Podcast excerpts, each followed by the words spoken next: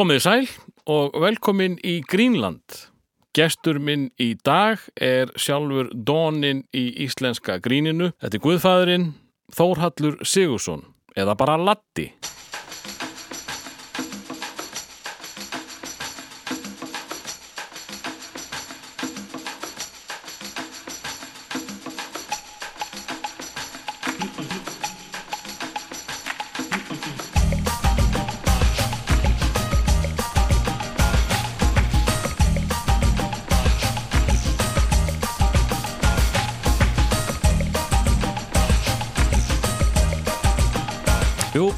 Engin smá gestur í Greenlandinu í dag. Uh, Latti, velkomin. Takk. Hvað segir menn í dag? Bara hljómandi. Já, það er bara, er það ekki bara fallegt veður úti, það var svo pínu kallt og svona, bara vorið í. Og... Við getum ekki farið fram á mikið meira. Nei, mér finnst ekki, sko. Ég, ég er mjög ánægð með þetta. Uh, þessi þáttaröð, uh, þetta er aðalega bara fólk sem ég hefur skemmtilegt. Já. það er engar reglur, en þú ert svona Dónin í gríninu, búin að vera svolítið lengi. Já, ég er allavega búin að vera lengi, sko. Já. Já. búin að vera alveg bara í bransanum svona í 50 ár, sko. En uh, sko, ef við förum bara í frum bernskuna, hva, hvað er það fyrsta sem þú mannst eftir? Ég bara man eftir mér eh, bara þarna á nönnustíð í hefnahörði. Þú ert þaðan, jú? Ég er þaðan, sko. Ég, ég er gablari. Mm. Innfættar og allt? innfættur og allt, fættur í heimahúsi ekta alvöru gablari Þú ert þess mikil gaflar á að verða? Já, Já. þeir verði ekki meiri gablara sko þannig að, að mann svona aðal eftir því bara þannig að hverfinu á nönnustíg og norðurbröðinu þar sem maður var að leika sér og í hrauninu náttúrulega, hrauninu Já. í hefnaverði Uh, þú ert þá uh, einn af þessum hraun krökkum sem að uh, hefur svolítið loðað við hafðfæringa að þið fenguð uh, öðruvísi leiksvæði heldur en margir aðri.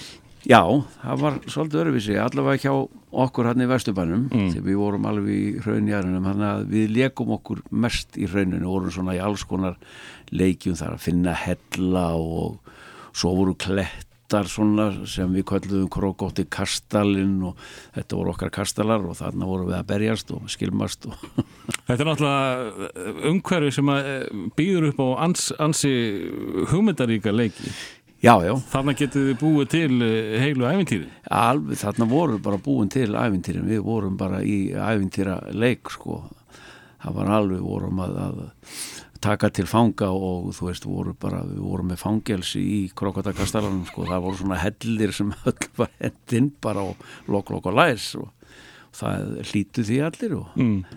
og hérna einn og einn strauk náttúrulega svona þóttist af að geta strókið þá var hann bara skotinn bara með örið eitthvað Já, er það ekki. jú, Eh, Það verður satt svolítið loða við eh, mjög margi gestir mínir voru mikið að leika sér á byggingásæðum sem að voru nættilega ekkert varin í, í gamla daga. Nei. Eh, þetta var kannski svona svolítið ykkar hættulega byggingasæði það var margt hægt að gera í hrauninu en var þetta ekki í leiðinni stór hættuleg?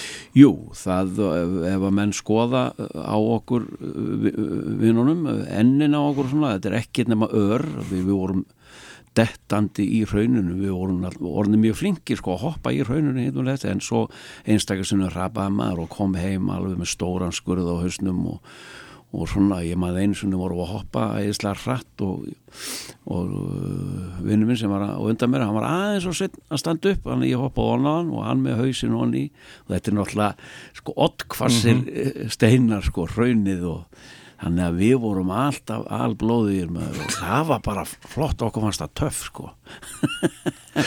Koma heim eftir bardagan út í hraunið alblóði, þetta var aðalmálið.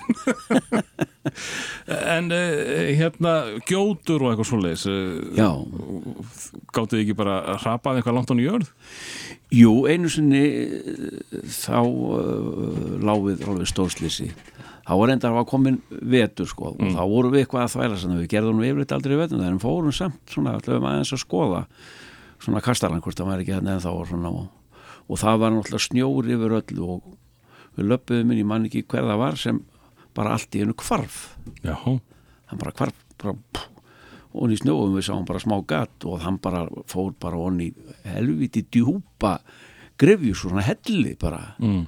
en hann uh, náði bara að koma niður standandi og þannig að það var allt í lagi. En það hefði getið að fara yfir sko. Já, ég, ég skal trúa því. Ég, þetta var svolítið hátt sko. Þetta voru alveg, alveg tveir tveir, þrý metra sko. Eh, allavega tveir. Allan að tveir. Já, En það er, það er landsfrækt sko að þú ert hlédrægur maður þrátt fyrir að verið í, í sviðsljósunu í einhver 50 árið eða svo.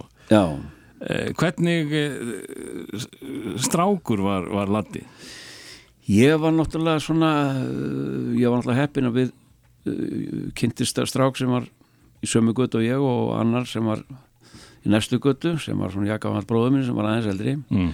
við einhvern veginn náðum saman en það var nú engin annar bara og þeir voru svona svipaðir og ég pínuti femnir, þannig að við náðum vel saman en maður var ekkert að þvælast eitthvað annað sko Nei.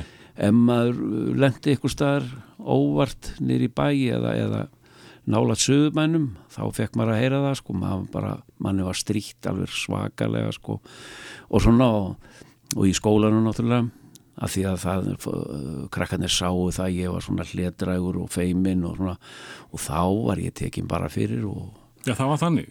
já, já og ég var nú eitthvað svona komin af náttúrulega fátækafólki Mm. Papp og mamma skildu því að ég var þryggjóra þannig að mamma átti nú eitthvað penni þannig ég var nú, var nú ekki í, í tískunni svona í, í fötunum. Og svona og ég var nú ekki alveg kannski sá fríðasti þannig að mér var svolítið strýtt kallaðar apabróðir og ég veit ekki hvað og hvað og það var svona, það var svolítið einhaldi í gangi. Já, já, þannig að ég við reyndum bara að vera þarna út í hraunni bara ég og, og við þrýr vinninni sko, þar voru við alveg einir og sér já og, og, og, og álveru hetjur á, á eitthvað. Já, við, þá vorum við bara hetjur sko en og svo var maður engin hetja þegar maður var komin sko eitthvað í skólan og, með öðrum krökkum sko. En að eigandi eldri bróður, uh, var það ekki Já. ákveðið? Jú, hann uh, sko, við vorum alltaf fjó, fjórir bræður en þegar mamma og pappi skildu þá fóru tveir með honum austu fyrir fjallam, landið Mm. og það var annar þeirra var Halli bróðir Já, já, ok. sem var elstur af okkur og svo Valgarður sem var næstur. Svo ég og Hemmi bróðir við vorum með harmöðri og Hemmi var, ég var yngstur. Mm. og Hemmi var svona, hann passaði mig hann, hann lamdi þá sem voru að stríða mér sko. Þannig þeir fengi að kenna það. Ef ég klagaði Hemma og þá, þá fengu þeir að heyra það sko. Hann var svona hraustur svona samaneldur og hann tók það í gegn En, en hvernig, hvernig varst þú sjálfur uh, til dæmis í skólanum? Uh, tökum uh, búlíana frá. Hvernig, hvernig, hvernig var þið sambandi kennara og bara skólaugvölda þess að þetta? það var bara mjög slemt Það var slæmt, já. já.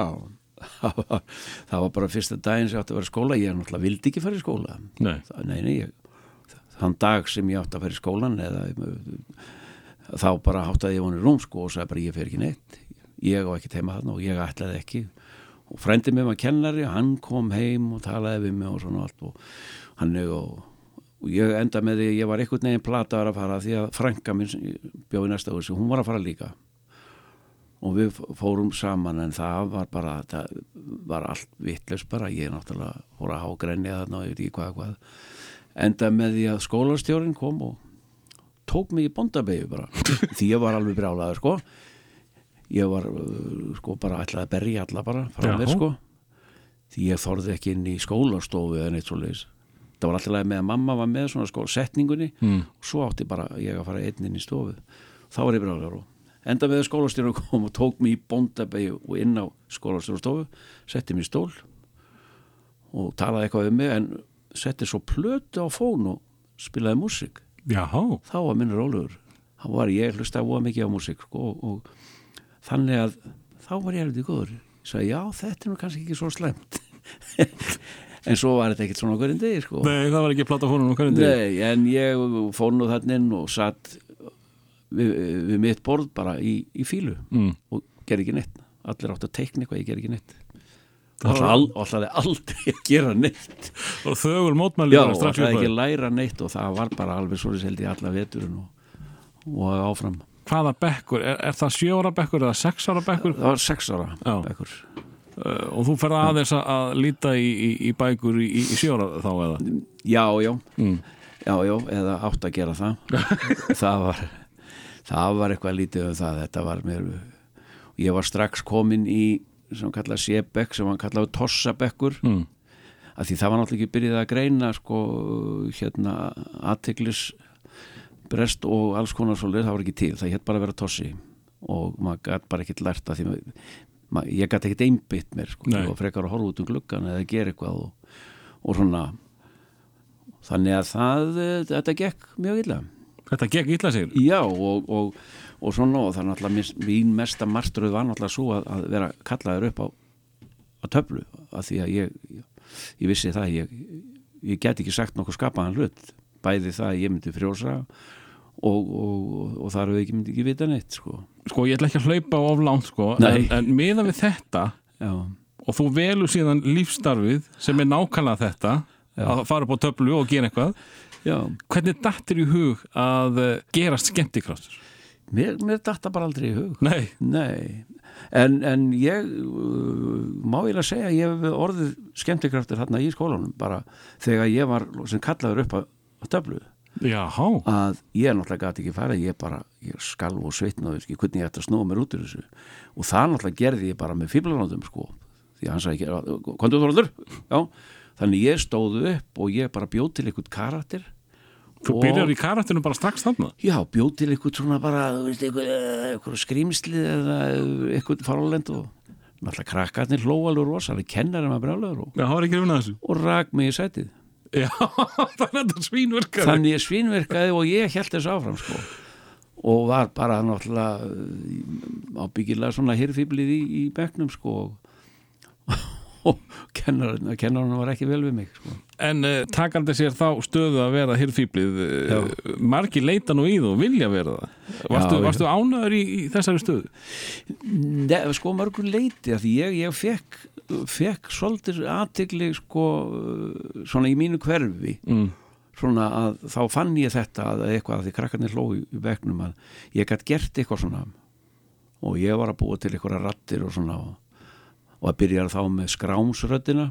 Já, hún er bara já, hún var, var miklu grófari þá sko. En, en þú hefur þá vantalega verið að, að detti mútur þegar þú ferð í skrámin nei, e, e, nei ég var sko ég gætt einhvern veginn gert þetta samt með hálsinum sko. Mm. og það var bara miklu grófara sko, ég næði ekki núna, ég bara myndi bara, þú veist, kapna og, og, og ég gæti verið með svona pínu sjó fyrir krakkana en en með þetta aldrei nokkuð tíman í hug sko. Nei. Nei, það var fyrsta sem ég ætlaði að gera var að vera tónlistamöður Þú ætlaði að vera tónlistamæður eh, og, og, og myndlistamöður Já, sem að kom mjög snemma. En uh, þú vildi samt ekki tekna í, í ekki, ekki fyrst fyrstu? hana ekki fyrst, nei, svo var ég byrjar því, ég hafði alltaf gaman að það tekna og hefur teknað uh, í gegnum tíðina? Já, alltaf svona. Alltaf af og til Þú ert svolítið að því í dag, er það ekki? Jú, nú er ég farin að, að mála það sem ég tekna er að pröfa svona áfram með olju, oljumálningu og svona. Varst að finna þig hana? já, Já. þetta er það að nýjasta því ég bara hætti eða ég fæ að hætta gríninu. Mm. þegar enginn vil hlusta mig lengur. Ég veit ekki hvernig það verður. En ég er allavega byrjaður þannig að ég er tilbúinn að fara bara í það en það gefur náttúrulega ekkert af sér. Hefur þú haldið eitthvað sýningar á þessu? já, Já. ég held sýningu fyrir uh, sko, já, einu og hálf ára síðan Mm. og hérna það gekk svona rosalega vel ég var með eitthvað 20 myndir og það er seldust allar á innan við tveim tímum, Já, hver einasta. Það er ekki nokkuð gott í ég. það var eitthvað. Þú ég, hefur ekki verðlegt að nú hátt kannski? Nei, trúlega ekki sko. Mm. ég veit það ekki. Eh, En þetta hlýtur að hafa verið gott spark í rassinn? Já, já, Já. það var, það var það, var það. En uh, við ætlum ekki að hlaupa yfir nei. uh, uh, að þú minnist strax á það að þú ætlar að vera tónlistamaður uh, og, og, og það sem að svona róaði þig á þínum fyrsta skóladegi var tónlistahljómplötu já, Varstu bara strax sem svona bara smátrengur að bæla eitthvað í tónlist? já, ég Þá nú ekki mikið frambóðið? Nei, nei, ég, maður hlustaði á óskálu sjúklinga og, og lögin við vinnuna og hvað þetta hétt allt saman Mm ég kunni öll lög og alla texta alveg björnsefnjálku bílnum og allt þetta sko sem var þá og, og, og uh, þannig að ég drakk þetta í mig. Mm. músíkina hlusta alveg rosalega mikið var að fykta í útdarpinu og náði hann einhverjum útlensku stöðum Luxemburg og veit ekki hvað og hvað. Já, þannig að, og, og þar er bara poptónlist dæn og vunni já, já, já, þar, þar fór maður að heyra svona aðeins meira heldur en íslensku lögin. Kveiknaði eitthvað nýtt líf þegar þú heyrðir þetta útlenska pop? Já, já, þá fór maður að heyra svona eitthvað uh, svona uh, 50s, 60s lög sko. Já, þú ferð bara að detta í Elvis og eitthvað? Já, já, það er fljótlega Elvis byrjaðan ungur, þannig að ég, ég var náttúrulega mjög gammal þegar Elvis var komin hann sko, svo Mm. fór maður hann á kananum. Já, svona, já, já og, og þá kom nú ennþá meira sko. Og ég drakk þetta í mig sko alveg þarna, það voru þarna Elvis Presley Nilsi Daga og, og svona alls konar lið og ég, maður lærið þetta allt svona og, en ennsku textana maður lærið þá eins og maður heyrði þá sko. Já, og, og það var, það var mjög skröðlegt en hvenær ferðu þá að fykta við að fremja tónlistina sjálfur? það var ykkur tíma á nú úlinsárunum sko svona uh, 15 16 ára þá ykkur neginn komst ég yfir eldgamlan gítar Er gítar fyrst á uh, hljófæriði?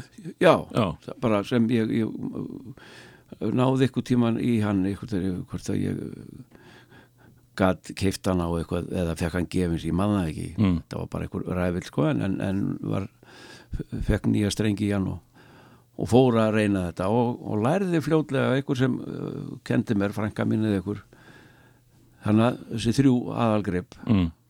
sem ég kann ennþá en ég er búin að bæta við eitthvað tveim, þrem ekki meira. En, og þá var ég að glamra á þetta og læriði eh, svona, þessi, þessi þrjúgrip og við vinninir, við þrýr þannig að við öllum að stofna hljómsveit, það var alveg klart við öllum að vera hensfræðir Já, já, já, já, já. spilum hana Evli bróðis og þú veist. Voruð þið að ratta eins og Efili bræður? já, já, við vorum að reyna að ratta Mm. já, já, já, er góðir svona, ég var aðalsöngvarinn og þeir, þeir reynda að ratta og það tóst svona, við hlustuðum á þetta og, og, læriðum þetta Mm.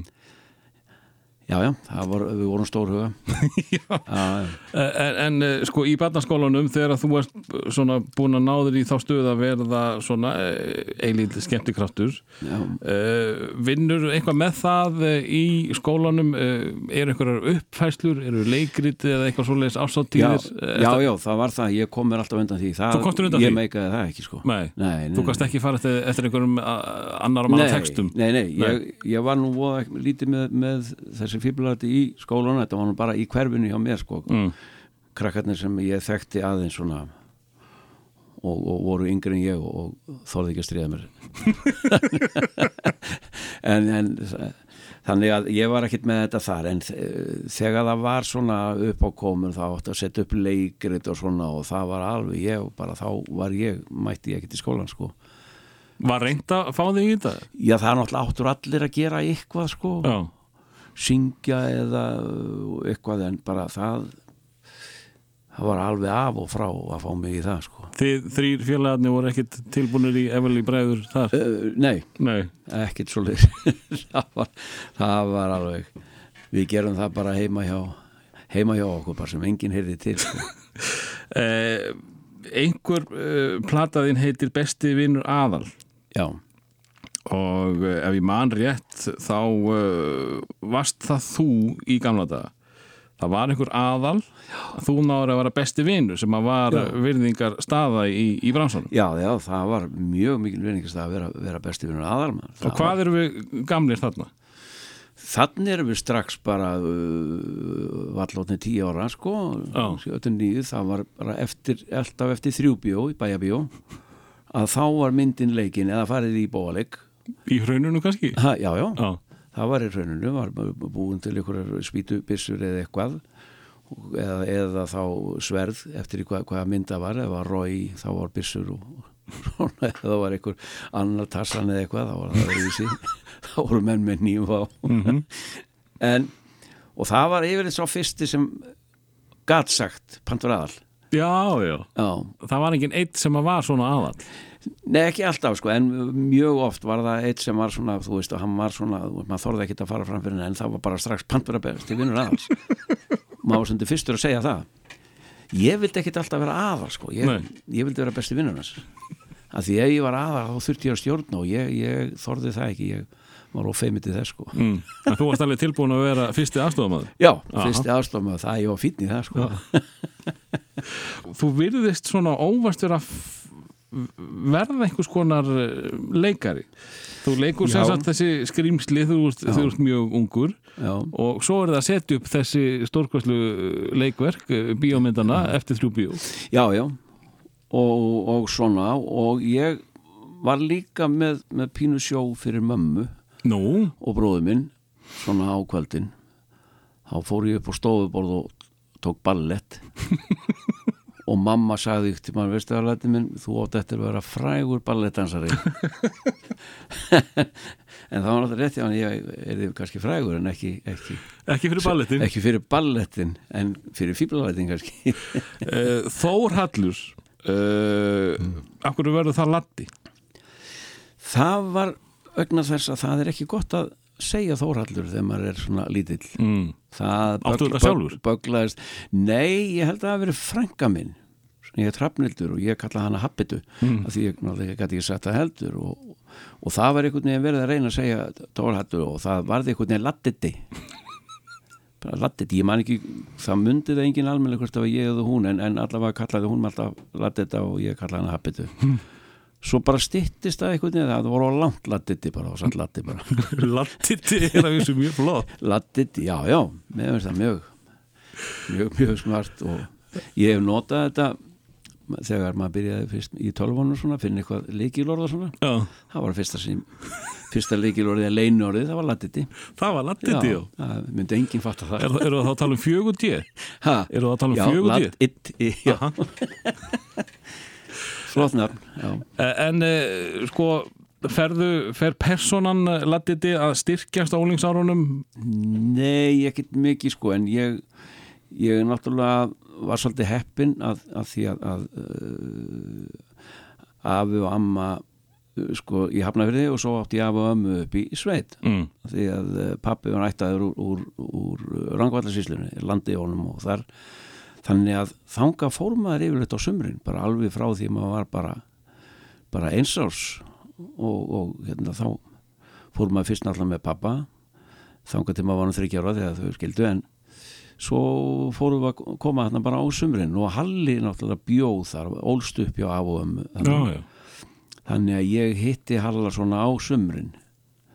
Svona og, og, og þannig að maður var svolítið heppin með það. Ég var ekki í Hafnafyrði og þú veist þannig að þarna var ég svolítið frjáls upp í, upp í sveit og gatt svona veri ég sjálfur. Mm. bara einn með dýrunum og hundinum bara og, og svona þannig að uh, það styrti mig svolítið mikið Árum við hverjum badnæskuna og förum aðeins Já. betur í úlingin eða að taka svona fyrstu skriða tónlistamannsins landa eftir hann úlingur eða eða fara að þanga fyrr Já um, Tökum bara lægi núna, svona Já. eitthvað sem að minni þig á, á æskuna æskuna, það var náttúrulega sko þegar ég var svona lítill, það var eitt lag sem var hérna þegar sem ég heyrði í, í Luxemburg alveg öruglega Mm. ég hef verið svona sjóra Já, á, þetta hefur verið svona já 50 og, og, og fjögur. Að þá er það er hljómsveit sem að ég uh, hétir The Diamonds. Diamonds? Já, Diamonds. Og kanadísk held ég. Og hétt Little Darling. Bara ég uh, bara það festist í hausnum á mér þetta lag og bara hefur gert alla tíð. Mér er alltaf fundið þess að það er skemmtilegt skemmtilega sungið, þetta eru fjóri gæjar bara mm. söngvarar, Mm. ekki, ekki hljómsveit beint Heyrur þetta í dag? Áttu þetta til? Nei, ég átti ekki til en ég, það er einstakar sinnum svona allt í einu þegar þá fer ég á, á YouTube og, og fann það þar Já, Já, heyrum þá hér eh, Diamonds, þetta Já. er sem sagt badnæsku lægið hans Latta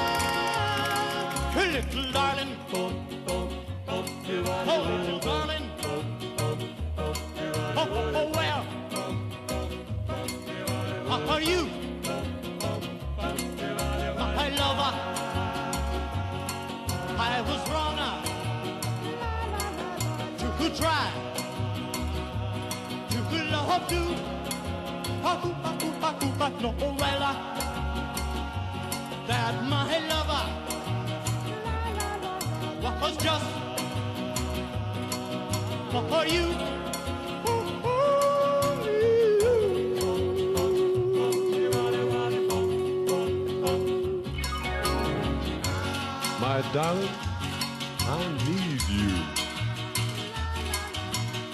to call my own and never do wrong. To hold in mind your little hand. I'll know too soon that all is so grand. Please hold my hand. My head get up. I was wrong. To, to try to love them too. Oh, well, uh, that my lover was just for you.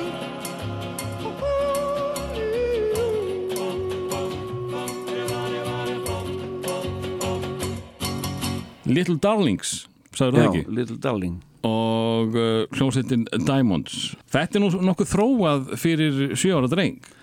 Já, já, Heyrum þá sko af uh, þér og, og uh, þinni fyrstu ást sem er tónlistin. Þið farið þarna þrýr uh, bakkabræður og, og stofnið einhvers konar band já. uh, Já. og, verður eitthvað úr því eða? Nei, nei, nei, Nei, nei. það var aldrei neitt úr því við vorum bara að settum bara Efni Bróðis á, á, á, á fóninu og svo bara hemdu við eftir síðan þróaði þetta yfir í bílana sko Já, og við heldum áfram í því sko, við vorum ekki ennþá orðin frægir en, en svo var það náttúrulega ekkert úr þessu við fórum en- enginn af okkur að læra eitthvað hljófæri fórum mjög snemma bara að vinna í fiski bara og, og svona og, komið aldrei fram.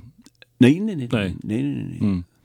og hérna þetta var bara hjá okkur þannig að þetta bara konaði einhvern veginn það var bara hugurinn við ætluðum að gera eitthvað og, en sjálfsögðu var aldrei neitt Þannig að uh, þú fyrir fiskin eftir, eftir skóla.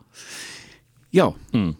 Þá bara uh, fer maður að, að, og við þrýr förum að vinna saman í, í, í fiski bara, bara þegar maður var búinn með svona skilduna Mm. má segja, þegar Flensborg kláraði það sko, þá fór maður bara að vinna og, og svona alltaf ekkert að halda áfram skóli var ekkert fyrir, fyrir mig eða okkur Nei. Nei. Vor, voruð þið svona samtaka uh, þið þrýr í, í flestu? Já, Hljóma mjög. svolítið þannig? Já, við vorum, vorum svolítið samtaka við vorum, við vorum mjög svona mjög góðir, tröstir vinnir Mm. og hérna þannig að, að allt sem við gerðum við vorum mjög samtakað í því Og, og, og þið eru þá áfram í uh, hafnafyrðinum? Já, já, Já. við erum áfram í hafnaverðum og, og svo uh, þegar við vorum 16 ára, þeir voru ári ég Já. sem, aður sko. Og þegar ég var 16 ára þá við okkur á tógara Nú, það var mjög skröðlegt sko. við ætluðum að, að fara á tógara við ætluðum að, veist, að fara til útlanda og, og svo leiðis Mm. mm. á tógara veiða og sigla að því þegar við sáum það alltaf á tógarunum í hafnaverði sko, þegar þeir voru að- alltaf að sigla sko. við vorum að sapna svona kopar og eir og svona í póka láta þá fara með það út og kaupa fyrir okkur eitthvað loftriffili eitthvað sem fegst ekki á Íslandi og þeir keifti alltaf eitthvað ég veit ekki hvort þeir seldi hann á kopar eða hendunum í sjóun en þeir keifti eitthvað svona knallettu byssur eða eitthvað fyrir okkur þannig að það var, komum við alltaf eitthvað frá útlöndum sko. ok. svo ætlum við að gera þetta bara sjálfur og réðum okkur á, á tóra Og komist allir að? já, já, Já. við komumst allir þarna að og, og þetta var mjög skrautið, þetta var að kvöldi til sem við fórum um borð í tógaran og svo fóru þeir að tínast inn hérna uh, hásetarnir og þeir og, og það var eitthvað skrautið það fór nú að renna okkur tvær grímur. Því þá könnuðustu við marga sem bara rónana í bænum. Já. það var þeim bara smala saman í og þessi tógari hétt Jón Fossetti og hann var sá elsti sem síðu tógari hann var bara komin að því að sökva það var bara hefni hann sökk ekki þessari ferð heldur var það í næstu ferð heldur sem hann en og þetta voru þeir kom allir um borð þarna alveg á skallanum allir sko sátum í matsalunum og þeir voru bara svo voru bara alveg sullað út um allt brennivinn og menn stóðu upp og mig og borðið og svona og, og við 16 ára guttar sko okkur leist ekki á þetta sko. Ég skal trúa því. Og svo var bara á, svo fóru þeir bara og sopnuðu og dóu eitthvað bara og svo var bara lagt úr höfn og stýmt út bara í einhverja tvo sólaringa og þeir bara sváu allir sko sem betur verið, við vorum eitthvað að þværa sanna. Svo var allt í unum bara allir restir og var að vinna og, og þá var, var þetta svolítið öruvísi því þetta voru bara einn duglegustu menn sem að nokk tíma séð. Já, þá voru þeir bara blá etru rónarnir sem við aldrei séð áður og þeir voru hörkuduglegir og þetta var rosalega gaman. Og það var sílt alveg til, til Þýskalandsmaður, Kuksafinn og, og mjög skemmtilegt og, og, og voru þið þá að fara til útlanda í fyrsta skipti? já, já, Og hvernig var svo upplöfun? hún var óbúrslega skemmtileg en það var einn einn þarna gutti sem var svona, kannski aðeins eldri en við sem kom að það og svolítið skrítin svona sköllóttur og, og, og sletti svona annari löppinni svolítið og var sköllóttur og við fórum að spyrja hann að því og hann var svona var svona hálf, svona hálfgóma svona talaði. Mm. og, og hann sá okkur frá því sko að því við spyrum hann bara að því hvað að því við sáum hann, hann lendi í slísi sko, hvað þið gerist og þá fór hann að segja okkur svona. Hann sagði ég var plötusmiður og ég var látin fara inn í eitthvað tank til að sjóða eitthvað. Þá var þetta eitthvað gamall svona bensíndankur og hann bara búm, sprakk. Og hann bara fór í tættur kallin sko og mist allt hárið og allt en og löppin var öll ská og röddin fór svona og, og uh, hann héti Reynir og hann gerði allt vittlust út í út í hérna Þískalandi þegar var, var allt í hún var hann fullur sko. Hann fekk sér hérna eitthvað í glas eins og allir hinnir stoppa út um miður í göð og kallaði Hæl Hitler og hafði þetta leysa hann út af fangilsi Já, já. trúa því og það er svolítið skemmtilegt sko eins og hann talaði sko. Svo sagði hann daginn eftir þegar hann vaknaði hann sagði Steppi vinnu minn hafi bjargað sér? Þú bjargaði mér alveg þú komst bara þeir reyðist á mig eitthvað eftir að það og kildu mig. Þá komst þú bara búm og kildur og allir burtu bara og bjargaði mér. Það var tónvillis og setna meir var, var þessi karakter til hjá mér sem heitir núna í dag Leifur Óefni. Já, og að og hann talaði einmitt svona og slett hann að röppinni svo leifur gerir. Já, og bara þetta er svona eina en fái sem ég, nota mann. Hann var löngu dáin blessaður. Og hérna hann var held í óhefnasti maður sem til var, hann var alltaf lendi eitthvað, hann fekk spili í hausinn og alls konar og var verri. Og báða lappirnar, við hittum hann nokkrum árum setna þá slett hann báðum löpunum þá og hann lendi í einhverju bílslýsir og alveg brotna allir sundur og saman og, var alltaf verri og verri. Þannig að eh, Leifur óhefni á sér bara hreina og klára fyrir mig. Já, það var þessi reynir. En svona var þetta og þetta var svona fyrsta ferðin okkar. Eh, Þú talar um fyrstu ferðina, Já. þið fóru þá vantilega í fleiri eða hvað? Já, fórum eina í viðbót og ætluðum að fara þá aftur uh, og lendum á öðrum tóra sem heit Gilvi frá Patrísfyrði eitthvað svolítið en uh, við fórum aldrei lengra heldur til Vestmanni þegar við vorum að og hérna bara að veiða og það veitist ekki neitt. Og, og það gerðist akkurat þarna, held ég með Gilva þegar hérna Sursi fór að gjósa. Já, við vorum bara á veiðum þannig rétt hjá þegar við sáum bara eld upp úr sjón já þú sást þetta? já, já, þetta var bara akkurat þá voru við hann að guttarnir á, út á sjó hann rétt hjá ekkert langt í burtu þannig að við sáum þetta allt saman svo sildi Vestmanni bara og, og þar keiftu við fisk fylltu tóran og, og okkur hendi í land og svo sildu þeir með það út þá fórum við bara að vinna í Vestmanni bara. já urðu bara eftir það? já, reyðum okkur í vinnu þar bara Eh, En hvenar ferðu svo að fykta meira við eh, tónlistina? það er, er ekkit fyrir sko, ég er náttúrulega bara þarna, er ekkit mikið að gera með hljófærið sko, gí- gítarinn nema ég er eitthvað að spila á þetta svona og, og hérna og læri ekkit fleiri grip kann bara þessi þrjú vinnukonu grip og Ertu ekki að guttla heima?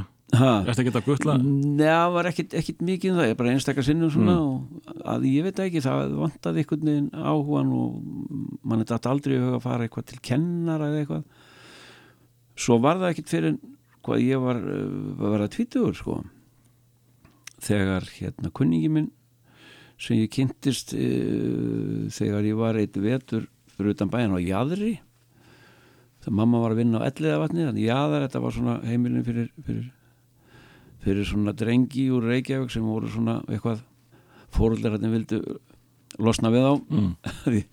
Þeir voru eitthvað eh, ódælir lengi út á kvöldin og eitthvað svona og, og til þess að redda þeim að er þið ekki einhverjir e, þjóvar eða að þá voru allir sendir á jaðar. Já, þar sem Björgvin uh, skólastjóri var pappi endur Björgvins. Já, þar kynntist ég eddu og var hún sjö ára en ég tólf ára. Mm.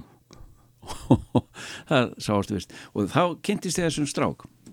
Svo bara uh, sáust við voðalega lítinu með einstakar sinnum kom hann í hamlegur svo kom hann einn daginn og saði bara ég er að stofna hljómsveit. Já, já, já og það vant að gítarleikara. Já, já, ok. Og það er þú. Ég sagði ég? Ég kann bara þrjá hljóm og gítar. Ég kann ekki að geta jú, þú spilaði þarna lag fyrir mynd daginn. Og flautaðin eitthvað og ég reyndi að spila það sko. Mm.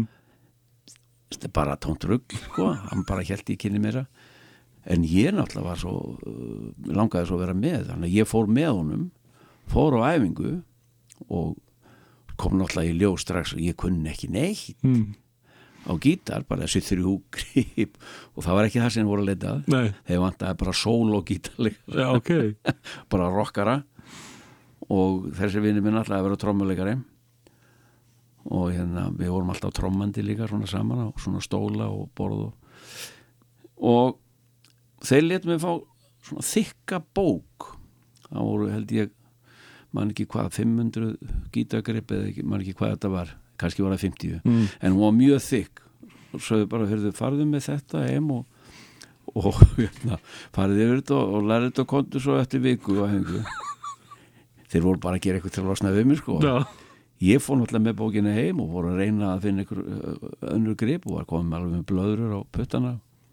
Og var ekkert betri eftir viku sko. man ekki hvort ég hafði bætt einhver einu, einu uh, gripi við sko. En þá kom vinnu minn ekki æfingu þannig trómalegarinn hann var að byrja að búa með einhverju konu eða stelpu og, og hún faldi öll fötinans þannig að hann komst ekki. Og þeir voru alveg í vandræðum. Og þá sagði ég veginn svona sko, má ég pröfa að spila á trommur?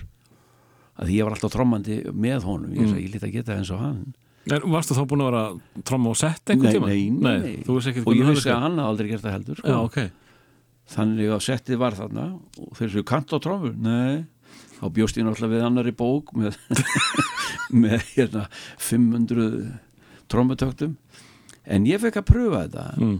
og það bara gekk ágætlega ég held bara helviti góðan takti sko Þetta samspil með hæjat og, og einhvern virkaði það? Já, Já. ég veit ekki það bara einhvern veginn virka ég kunni nú ekki á bassatrómana beint en, en snerin og hæðin sko það virkaði sko og svo kom bara tf, eitt og eitt svona með bassatrómana og þetta gekk upp sko þannig að það enda með að ég var ráðinn bara sem, sem trommari bara í sér hljónsveit og, og hvað varðum félagan? Hann bara var, kom ekkert aftur? Nei, hann var bara hefði á sér og enda með að hann kom bara svona að kíkja á æfingu eitthvað, hann fekk ekkert að vera með og hérna einn, einn af okkur, Páll Dungal að bara við vorum að æfa þarna og þeir kunnu voða lítið sjálfur ennum að þeir, þeir, þeir kunnu svolítið, hann á bassa eitthvað. Og hann kunnu nú mikið á, á gítar hann, hann gilli hann kunni alveg alveg hrúa gripum sko, var Mm. svona rithmalegari en það vantaði ennþá gítarleikara en þetta gekk ágætlega að æfa þetta og með við vorum bara að æfa. Og það var auglisettir gítarleikara að þá réðan okkur bara hljónsettina á seyðisfjörð bara allt næsta sumar. Og hann kom bara daginn og sagði, eru þið búin að ráða okkur ha? Og hljómsveitin ekki full mönnuð? Nein, Og og, og kunnum ekki neitt. Og, og svo var bara hver, hver á að syngja? Og náttúrulega komaði minn hluta því ég kunni alla texta á allt sko. Já, var ekki einu svona söngvari komin? Nei, nei, það var engin söngvari komin er áluru businessmaður hann á ferðinu ha, já, já, þannig að, að ég, ok, það ég söng bara og þeir reyndu svo að rætta og svo kom einhver gítarleikari sem var, var auglist í blaðinu. Hann kom og hann var tekin með. Það bara, þú veist, bara fyrsti sem kom. Því það þurfti að fara á segðu sér bara strax. Spilum þar allt sumari bara og, og hérna. Og það var einmitt, það var Halli bróður sölumar og var að þvælast úr landið. Já, og það var 17. júni bara, þannig að það vorum við að spila á, á eigilstöðum um kvöldið. Og ég orðin sko alveg þræl hás, ég hef aldrei sungið svona mikið og heilu balli og fara svo aftur daginn eftir og þannig að og Halli kom þarna bara og hann var búinn að vera í hljónsettum svona fyrir austanfjall og svona eitthvað að syngja. Mm. þannig að ég sagði bara, heyrðu, þú verður að hjálpa mér einna maður, þú kannt eitthvað að þessu lögum, ég er alveg klar því og hann kom og söng með okkur svolítið svona, kvildi mig. Svo þegar við vorum búin þarna kom ég í bæinn aftur og þá var þessu stokkað upp og komin nýji menn inn og þá kom Hallin í hljónstina sem söngvari? Já, já, að því ég sagði, ég meika ekki vera bara eitt söngvari, þannig að við vorum, við vorum þá bara aðal söngvarinn, tveir, hann svona söngvarinn og ég svona söng eitt og eitt og Eh, rættaði með honum sko, ég get ekki ímynda mér hvernig, hvernig menn fara að þessu bara heilt yfir en þarna erst þú ný sest, sestur við trommusettið. Já, ert að átta það hvenar þú átt að nota bassátrommuna og já, það er margt sem þú þarf að hafa í huga bara við að spila á trommur. Já. Ég hef reynda sjálfur, ég á mest með að reyna að fá þess að bassatrómun til að virka með. Nákvæmlega, það er- pluss söngur, pluss söngur sko það var nefnilega málið. hvernig gekk þetta svona uh, til að byrja með? Það uh, bara, ég, það læriðist mjög fljótt þannig að ég var ekkit að nota basstrómuna mikið. Nei, Nei, og, og, og bara kom svona inn svona bara með, með tímanum þegar ég var svona örgari sko. þannig að það var aðalega bara að halda taktinum og syngja. Þannig að einhver stælar engin sóló trómur sóló eða, eða mikil breyk það var lítið um það hvað Því hérna ég sagði bara þú, ég get ekkit verið að gera eitthvað rosalega breyk maður, ég er aðal söngvarinn sko, ég menna ég var að, að huga að því. En hérna, uh, sko lifðið á þessu þennan, þetta sumar að voruð að vinna eitthvað annað á daginn? Nei, við vorum að vinna í, í síldinni sko, Já. vorum á, á síldaplani mm. já, já, en spilum samt á hverju kvöldi. Á hverju kvöldi? Það var, já, það var næstu í hvert kvöld. Alveg það, þetta var svo mikið af fólki það bara var að vera að balla hverju kvöldi við vorum einan ljónsettin, svo kom einstakarsinnum ykkur ljónst og við fengum smá frí sko. Þannig að maður gæti aðeins eh, laga rattböndin það var farið að blæða úr þeim hjá mér. Þe, þetta er nú bara með því svakarasta sem ég hef heist já, þetta var eh, svolítið, þegar maður Sko- hugsaði um þetta svona setna með þá, þá fór ég að segja bara hvernig fór ég að þessu sko, þetta var, sko, hljómsveitin ekki tilbúin en ráðin, og sko ég held þetta að þið hefði verið þarna um sumarið eh, að spila um helgar eh, sem að mér fannst bara ansi Já, já. já, gott Já. með óreinda hljómsveit og, og, og trommuleikari sem að er, þarf að fara allt í hann að syngja líka já. en þetta var bara nánast á hverjum degi Já, nánast á, á hverju kvöldu það var, var mjög oft í viku allavega, sko, því það var bara alltaf bara, þetta voru svona, fólk var á vaktavinnu mm. Og svona, og þannig að það kom alltaf nýtt fólk þetta kvöldu og næsta kvöld voru aðrir, þannig að þetta var minnstakosti fjóru sinnum eða fimm sinnum í viku. En þið hafið þá náða að spila ykkur svolítið vel saman á þessum tíma? Já, já, Já. þannig að við, við skóluðumstum vel til þarna og lærðum heilmikið og, og þarna kynntust við uh, sem sagt öðrum uh, gítarleikara eða bassarleikara og gítarleikara Tómas Sveinbjörnsson sem var svo, svo aðal gítarleikarinn í, föksun þegar við komum aftur í bæinn mm. og Gísli Blöndal sem var hann líka og hann var gerist þá umbósmaður okkar þess að tveing kynntust við þarna á Sesriði og þannig að það fór þetta í gang þegar við komum í bæinn það voru komið umbósmann og allt og, og Halli komin í þetta bara orðið stór band sko. og, og hvað gerist þá? þá fyrir við að spila í Þorskafi Mm. bara uh, ránir þar uh, svona um, um, um helgar og, og bara æðislega gaman. Spilum þar og, og, og það er mjög skemmtilegt frá því að segja því þarna uh, það verið 67 já þetta, þetta er 67 67, 68 þá kemur þarna blökkumadur inn í Þorskafi Mm. maður má ekki segja svert ekki nei, fyrir ekki, ég er búin að því. Og hérna uh, er að hlusta á okkur. Við bara bóttum ekki dýri maður kallu við kolbygga svartur maður hann kemur svo að tala við okkur og það var þetta Al Bishop sem var úr uh, heimsfræri hérna, sveit sem hétt í Brífubóis Já, hann hafði komið nokkur sinni til Ísland og var að syngja á Hotel Borg. Og nú var hann að leita sér að hljómsveit sem að fara að ringin í kringu landi með sér. Og var að hlusta á all og hlustaði svo okkur. Og þannig og já, já, já, var, voðalega hrifin sko. Og saði reyndar menn að við værum nú ekki þeir bestu en við værum sennilega þeir skemmtilegustu. Já, já. því við vorum sko, Voruð þið fattir að fýblast eða? ég, ég var að fýblast á trómmunum svona og, með ykkur fýblast en svo venjulega og svo var Halli komin í máli með mér náttúrulega.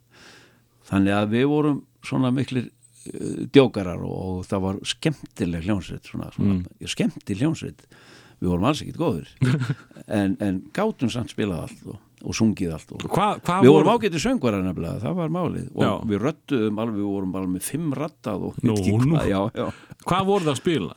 Rock and roll bara? já, rock and roll, bítlana alveg bara Rolling Stones öll þessi vinsælustu lög bara við tókum þetta allt saman og, og það endaði með því að, að, að, að, segja Albisjöp, hann réðu okkur það var aldrei fundunur á Hotel Borg og það voru allir konlir, það voru hljómar uh, og óðmenn og við bara vorum hann innan um snillingana sko. Og hann valdi okkur og þeir bara þeir áttu ekki til orð. Þeir vissi ekki hverju við vorum bara og við gætum spilað en hann sagði bara ég, þið voru skemmtilegastir. Mm. það var málið hinn voru svo alvarlegir og leiðilegir þannig að við fórum hringin í kringu landið með hann Já, enduðu svo í Noregi með honum ég endið í Nóri já. já, já, Eh, eh, Nú erum við sko. Já, orðin svolítið starpaðir Já. Þannig að eh, sko við ætlum að velja eitt unglingalega líka og Já. þa- það sem að við erum komnir á bóla kafi tónlistina þá, þá er ég svolítið, Já. svolítið spenntur að heyra hvað hva var unglingurinn Já, landa að hlusta það var náttúrulega ólinga lögin, þetta var, þá var þetta komin náttúrulega fullt af, af, af tónlist mm. og þarna í hvað var að segja þarna, þegar ég er um tvítugt þá var náttúrulega komin, komin hljómsveitir eins og já, mann fyrst eftir í svona eða eitthvað 1970 við erum kannski, eða kannski hafa eitthvað fyrr alveg bara eins og við þá er talaðum. Crosby, Still, Nass and Young sko, alveg bara númer eitt. Ferðu, ferðu okkur. djúburinn í, í hipparokkið Já, sko, ég var, hlustaði rosalega mikið á, sko, bara rockið þarna, hvað heitur, Emerson Lake og Palmer Mm.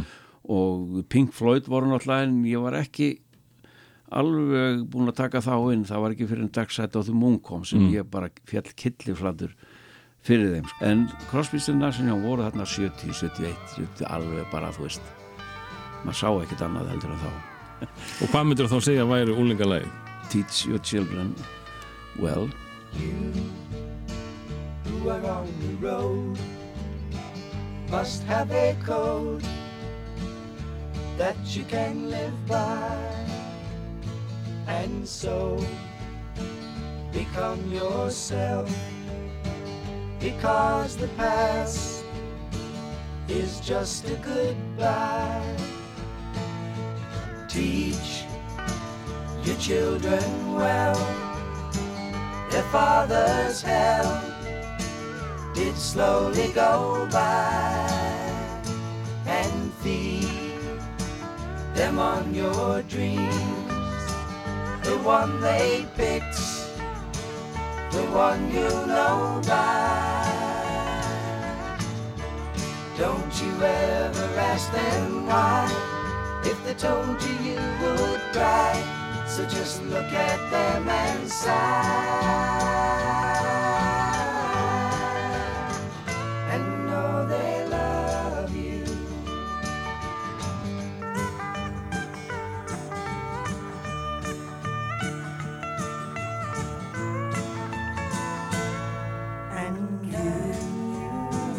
of tender years can't know the fears that your elders grew by, and so please help them with your youth. They see the truth before they can die. Teach your parents well, their children's hell will slowly go by and feed them on your dreams. The one they picked, the one you know by.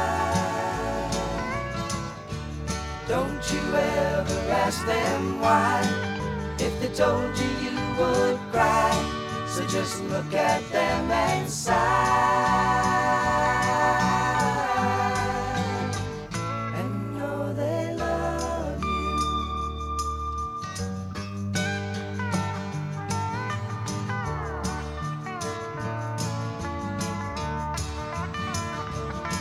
Þetta var unglingalægið hans uh, Latta, Teach Your Children Well uh, Crosby, Stills og Nas er Young hættan með komin Jóng er komin hann, já, Ég er náttúrulega með eina stóra spurningu með að við uh, þessa segraðina í tónlistinni Já. með, föksum uh, Það er ekki til mikið útgefið. Er einhvað til? Af tónlist faksa Faxa? Já, Nei, við, við spilum inn á inn að tvekja lagblötu í Noregi já, af því hann var búinn að lofa því hann Albishop og fórum þarna í Oslo í eitthvað heim til ykkur. Það var svona vissu gamall kall bara og það var bara í stofunni hjá honum. Og hann tók þetta upp, þetta var bara alveg hræðilegt. Og sándið eftir því þegar þetta kom út. Mm. við pössum vel upp á það og hún fær aldrei til Íslands. Við reyndar komum með eitthvað plötun en ég, ég týndi nú fljótlega minni plötu, ég veit ekki hvort að Halli eigi sína en ég held ekki sko, Mm. þetta var látið hverfa svona. þetta var ræðilegt sándið á þessu sko Já. ykkur gamall maður sem var þá bara inn í stofu, bara bergmál og svona þú veist bara, getur ímyndaðir en hann, hann kláraði bara það sem hann skuldaði þeim það var ykkur um umbósmanni þarna úti En, svo komið þið heim hvað, skellur þú þá kjúðum á hilluna eða hvað? já eiginlega sko þarna þegar við komum frá Nóri Mm. þá uh, ég þurfti að fara hætta því þá var ég uh, nýbúin að gifta mig og, og átti lítinn strák Mm. Og það var bara að koma skeiti út bara frá tengdaföðu mínum að, að dröllast heim og fara að vinna fyrir fjölskyldina því við fengum engan peningað úti. Það ekki? Ég gæti aldrei sendt krónu heim nei, nei. það er og sumir segja þetta fór allt í sjálft sig. Mm. en það var bara málið það að Albisjöp hann var svona klúðrari. Og hann skuldaði alveg fullt af peningum og ykkur umbóðsmaður og veit ekki hvað og hvað. Og var bara að borga þetta og við fengum aldrei neitt pening við fengum eitthvað rétt fyrir mat og svona fyrir einum einum bjór hvort svolítið skáttum kefti ykkur, hann passaði það svona aðeins en við fengum ekkert meira. Það átti alltaf að koma, já þetta er alveg að koma sko, við erum að borga þarna fyrst og svo bara næst þá fáið þið alveg en það kom aldrei. Enda með því að ég náttúrulega var að ringja heim í strák sem ég kannast við, trommara og baða hann að koma út og hann geti tekið við að mér og hann alveg helt það nú. Stóra tækifæri stóra tækifæri hann. Og hann kom út. Ég fekk lánar allan peningi í honum til þess að borga farið mitt heim. Mm.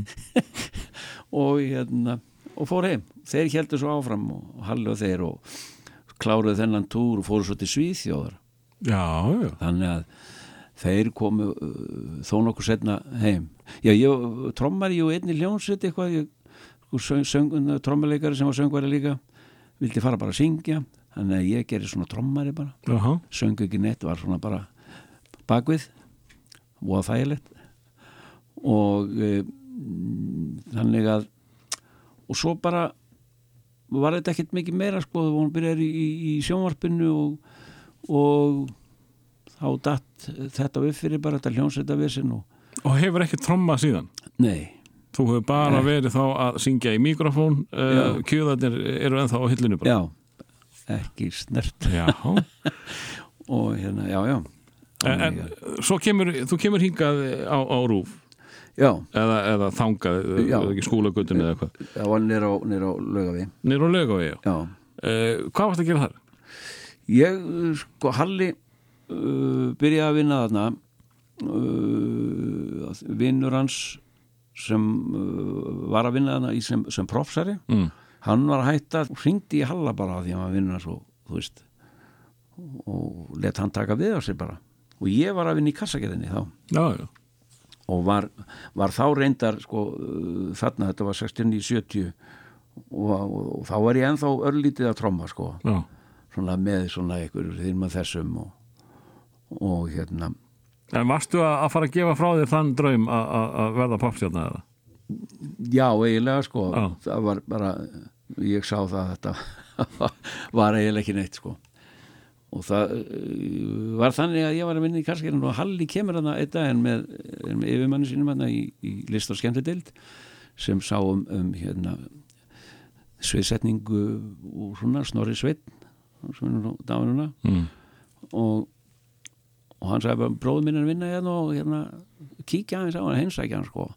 Hann ætlaði að reyna að retta með vinnu sko sjónarpinu að því ég var náttúrulega sko var svona allt múlum að ég var búin að læra var að reyna að læra hérna, að vera hérna húsgarðasmiður. Já, og kláraði það náttúrulega aldrei.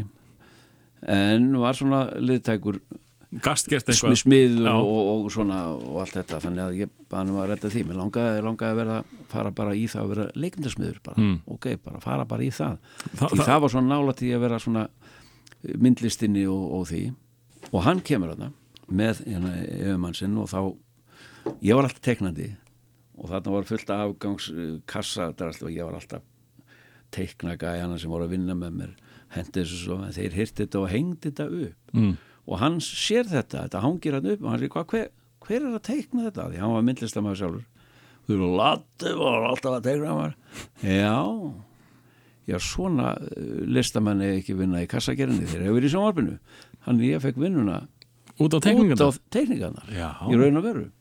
Þannig að þú, þú, þú ferð ekki í sjónvarpi til að sneika þig e, fyrir framann myndavælina, það var Nei. ekki planið. Nei, nei, nei, Nei. Það, það var ekki fyrir uh, eitthvað setna bara, þeir vorum búin að vinna þarna að við fórum að koma fram það var bara út af því að fíblavætin í, í okkur og, og aðalega að, að flossi þegar maður var að gera áramöndaskaupin þarna held í 71 mm.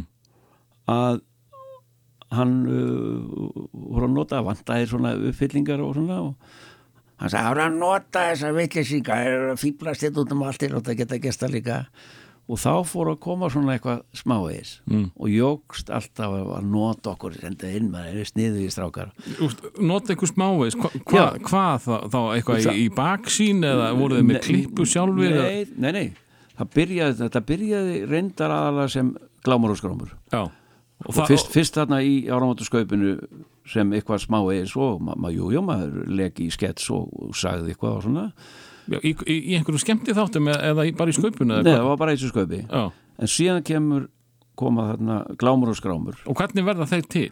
það var verið að búa til svona eftirhermu af Sesam Street Já, já, sem var þá í, í kannasjónvarpinu og, og það eru búnar til þessar skemmur og vantaði svo rattir og þá var verið að bara að og að vor kom Bjössi Björs til okkur og segi þið allt með þennan fíblaskap þið hljótið að vera með eitthvað rattir eða ekki? Nei, nei.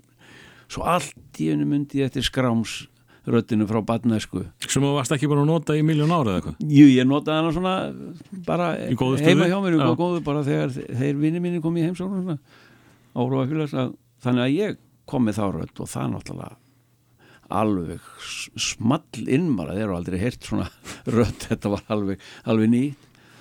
Og, og Halli tekinu, hvað, þú kemur ykkur rödd. Þá bara neini, þá var hann bara og, jú, jú, þú getur verið bara eitthvað svona búið til eitthvað, þá var hann bara skrækur mm. svona og allt í lagi. Og hinn þeim rættaður og þannig byrjaði það. Og svo fór að koma svona uh, fór þetta svona að vinda upp á sig. Og þú átt að gera svona skemmti þætti uh, Jónas R. og Egil Eðvars hann og átt að fara að búa til eitthvað með Gísla Rúnari og Jóla Ráns ungir strákar sem var nýbúnir að klára eitthvað, eitthvað leiks, leikristaskólan Mm. og þá var ég fenginn og Bjarni Dagur og eitthvað við sem vorum vinnaðna sem voru svona mest í fíblalátunum til þess að setjast niður til að fá hugmyndir fyrir það. Fyrir þá, fyrir Gísla Rónar og þann og þá verður til kaffibrósakallanir þannig að þú átt þátti að skapa þá? Já, svona í raun og veru. Mm. ég var í, í þessu teimi sem var byrja og þá kynntist ég Gísla og Júla og það var að vera bara, veist, bara koma með hugmyndir og, og búa til einhverja sketsa og dóteri og þá kom þessu hugmynd upp að þetta væru kaffibróðskallar, alltaf í kaffi og eitthvað dóteri. Og, og við vorum alltaf að koma saman til að búa til eitthvað svoleiðis með það. Og enda með því að, að uh, Gísli kom með hugmyndum, þá var hann allir í Spike Jones. Mm. að gera eitthvað svoleiðis og bætti okkur halla við þá, Kemur, kemur Spike Jones frá Gísla, ekki þér? nei, hann kemur frá Gísla. Já, Já, og þá uh, erum við að klippa saman svona alls konar og búa til eitthvað atriða því þá kom skemmti þáttur sem var komið með með hérna Ríó tríónum og þeir átt að vera í því. Og við komum með þetta atriði sem eitthvað slóði í gegn eitthvað, þú veist, Spike Jones og því að mæma það er það ekki það. jú, jú, það var mæmað og, og þá í þeim þáttum þá var Saxilagnir sem var fyrsti karakterinn sem, sem kom Veitu, hvað er hann þá gamall? þá er Early 70s? hann er orðin, já, já hann er Hann er eitthvað þarna eitthvað er 70 og, og, og fættur eitthvað er 74 5 ég man Já. ekki, eitthvað svoleiðis, já og þannig að, að og þá fórum við að vera meira með þeim í svona sketsa þáttum hana Mm. Og var mikið um þá í þá daga? Já, þá voru þessi þættir að byrja það var þetta kvöldstund í sjónvarsal og svo kom auglasat á kvisti sem Egil var með þetta allt saman og þá bara eruðu við meira og meira inn í þessu og, og svo komum við þarna loks með Spike Jones bara ég og Halli Mm. Gísli og, og þeir gátt ekki komið eða eitthvað svo leis þannig að við kliftum þetta saman tveir og komum með þetta. Og þar sló svona svakalega í gegn. Það var svona fyrsta þá að byrja að ringi í okkur og veist, koma og skemmta Já. ársátíðum og svona. Við hlóum bara því sko. En þetta, þetta, þetta er verið algjör sprengja sko, fyrir þá sem að hafa ekki þekki ekki Spike Jones uh, geðveikina já, já, að, sko, það þarf náttúrulega einhver talent til þess að, að ná að mæma þetta Já. það er mikið, þessu- mjög hrætt og mikið að mjög skriftur hlutu hratt þannig að við uh, þurftum að læra þetta alveg hverju einustu sko, Annars er þetta ekki Nei. effektin og allt bara Já. byssu skot og dótari og, og svona, við vorum snöggir að læra þetta og, og þetta var bara og endaði með því að við neittumst til þess að ok, fara með þetta og pröfa því það voru allir að ringja og við hefum búin að pröfa þetta við, það var að bjóða okkur peninga fyrir þetta mm. getum fengið pening og þannig við fórum að pröfum og það náttúrulega bara þetta fór allt í þvælu ég man það bara að fyrsta kvöldi við fórum inn, vorum með segulband með okkur sko, Mm. bara og sett í gang og enga mikrofon og ekki neitt það, það, það þurfti ekki Nefnir. og vorum í einhverjum litlum sal út á loftliðum og það, það eru svona, svona eldra fólk og við erum bara sko sá, sá fremsti er bara eins og, eins og þú hérna fyrir fram mig Já. við erum bara bara- já, svo setjum við í gang og byrjum allt þetta og gamli maðurinn á fremstabæk hann bara horfði á okkur enda með að stóðu upp og sagði hvers djöfursins fíblalæti eru þetta við bara stoppum bara slögtum á bandinu þökkum fyrir okkur og löpum út því að það, þetta náttúrulega var bara geðveiki fyrir svona fólk það sagði bara hvað við sögðum ekki neitt, heldur vorum bara með svona effekt á prump og Hva, hver var þá fyrsta hugsun? Þetta gerum við ekki aftur eða? það var aldrei aftur en við verðum að fara á annan stað sem Saman var- kvöld þá eða? sama kvöld, Já, sem var í Hafnafyrði og náttúrulega okkar heimaslóðum og þá það var sko ungt fólk bara Mm. miklu yngra fólk og Sama það prógramm. bara, já, já, og uh, þetta voru ekki nema held í sex mínútur sko þetta var bara, var, var allt programmið og þá bara, hérna var allt vittlust bara, alveg þakki alltaf bara húsinu sko. og þá sögðu við, jú við kannski og þá bættum við við saxalækni og, og svona vorum með solið skets, búa til skets með, með, með saxalækni og svona kom sjúklingur til hans eins og við höfum verið að gera í í sketsaþáttunum já, já. Og gerðum þetta eins og þetta væri í sjónvarpið og það náttúrulega bara gekk ekki einhvern veginn. Þannig að við vorum svolítið vorum lengi að komast í gang og fatta hvernig við ættum að gera þetta. En þið, þið verðið sem sagt strax teimi, þú og Halli? Já, Já.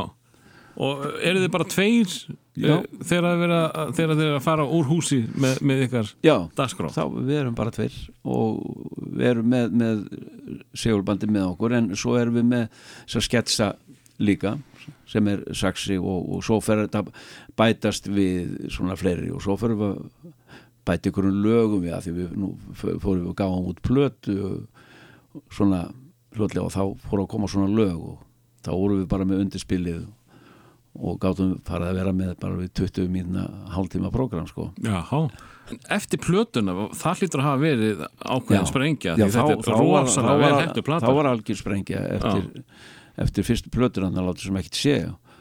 Og hérna, þá kom gísli inn í með okkur þá vorum við þrýr um tíma sko. Mm.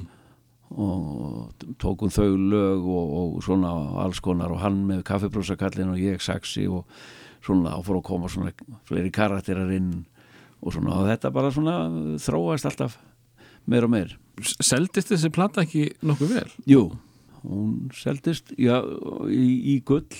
Já, Þetta er nú gott. Halli? Halli? Já? Hva, hvað ertu? Nú, ég er hérna í hinnum hátalarunum maður. Hvað ertu að gera þar? Viltistu? Nei, mér veist bara ágætt að vera hér. Lesaðu, verði ekki þessum hátalara maður Nú, Þetta er svo lélugur hátalari maður Kondu hérna, mikið betra sánt hérna megin ok, ég kem. Ok, kondu Þetta er allt annað líf maður. Hei, Já, hvað er gísli? Gísli, Já, heyrðu, hann hefur flækst í magnaranum á leiðinni. Ah. Aumingja gísli. og, og urðuð ekki bara svona semi-rockstjörnur? Jú, það má segja það Já, þannig að það var bara að fara strax í, í næstu plötu en þá voru það bara við tveir þannig að fyrir mánu aldeilis fyrir vera og af hverju urðuð bara tveir? Já, það var, eh, ég veit ekki Gísli var ekki sko alveg uh, eitthvað til í að halda áfram í, í þessu með, með okkur. Ég, ég man ekki hvernig það var. Það var sko, eiginlega ennþá meira bara fyrir eh, okkur tvö, þá komum við með eh, sko, látt sem ekki sefa meiri svona eitthvað sketsaplata Mm og svona, þarna voru alveg lög. Við Já, sömdum bara hreinlög, já. Já, söndu bara texta og, og tókum lög. Og svo var ég byrjar að semja þarna og náði ykkur lög að því vildi hafa svona með sem ég hafði samið Það er ekki fyrir þarna sem þú byrjar að semja tónlist sjálfur. Já, eða svona ná í eitthvað sem ég hafði verið og sagði hvort ég get ekki gert eitthvað við það því ég held upp á það svona sem ég var alltaf að reyna eitthvað Já, þú áttir eitthvað úr fórstíðinni. Já, Úst, spi, just, eins og með faxa, voru þeir að spila einhver lög eftir því?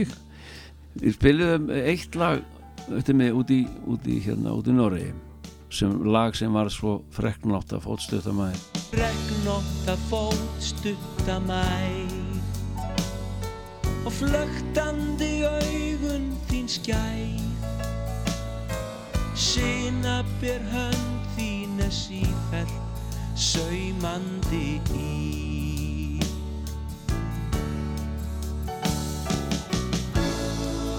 Melgjaða mær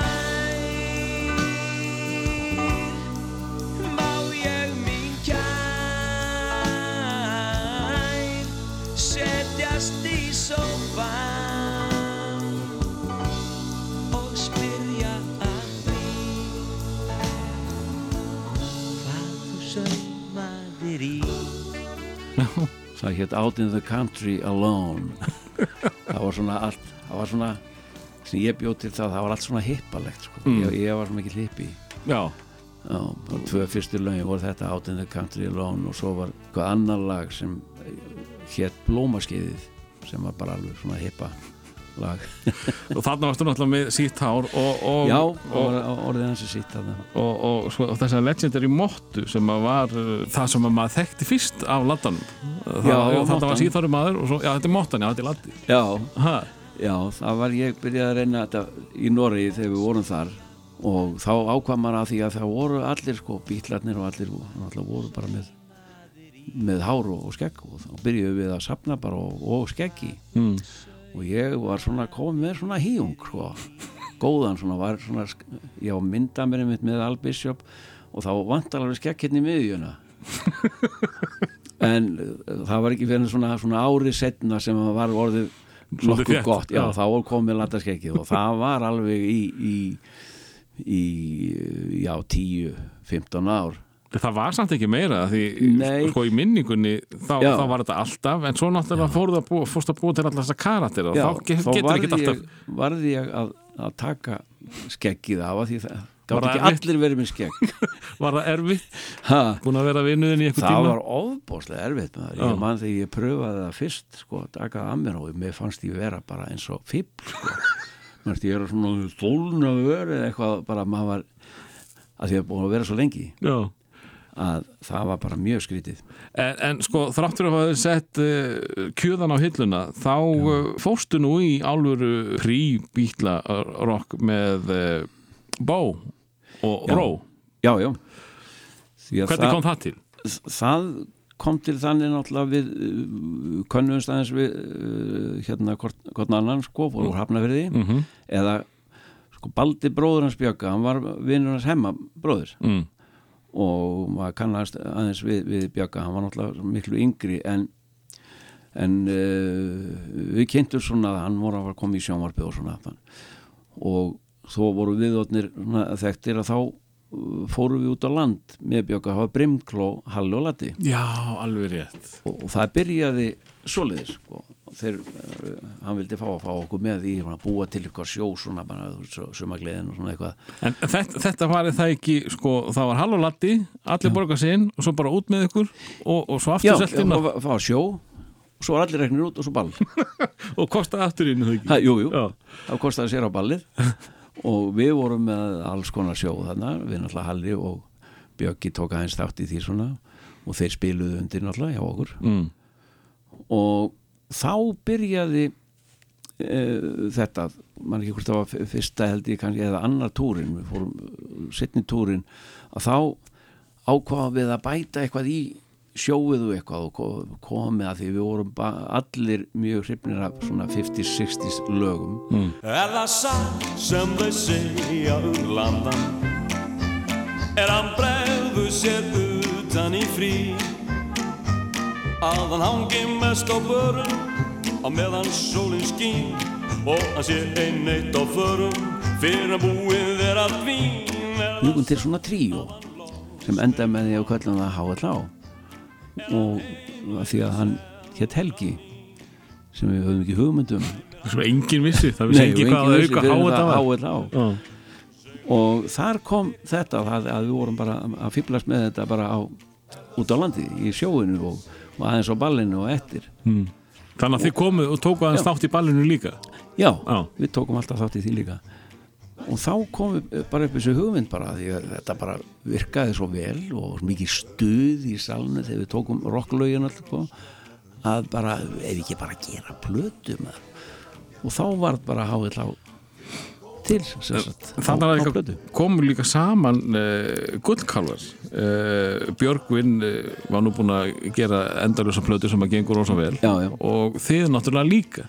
Já, Það þurfti ansi mikið að gerast til þess að þetta myndi kól falla, það ekki? jú, ég jú, jú, það það við vorum nokkur örugum með það að því að þetta virkaði svo vel þarna út á landin með, með Brimkló Halvalata og, og náttúrulega Brimkló spilaði undir allt saman á, á, á plötunni Mm. og svona ásand að koma ykkur fleiri hérna saksamáleikarar og dótari þannig að og, og það bara það, segi, það klikkaði ekki og, við háalá var mjög vinsælt og enda með við vorum fannir að bara fara með það bara þrýr svona bara með, með kassettu með okkur með undirspili og 17. júni og svona út um allt Já, í leðugalanum og, og við vorum andir bara svona skemmtikraftar, háalá flokkurinn. En, en sko þarna varstu búin að upplifa það að vera svona skemmtikraftur meira grínari. En þarna ertu rockstjarn. já, Hvernig var upplifunin? það, það var rosalega upplifin þarna fannst mér ég loksast vera orðin sko popstjarnar sko, Já, með bjögga og, og syngja svona sem að við vorum ekkert að fýblast sko. Þetta var bara ekta rock og, og, og svona við gerum textana sjálfur gerum þetta allt í sammenningu og vorum ekkit uh, fýblast mikið með textana eins og, eins og Hall og Latti þannig að þetta var meira alvöru og mér fannst þarna að vera komið sko popstjarnan Latti mm. og, og, og þú greinilega kunnir ágætlega við hana því Já. þú gerði náttúrulega geggjaða plötu sem að var þín fyrsta eða ekki soloplata De- Deo. Deo. Já. Já, og þar eru lög eftir þig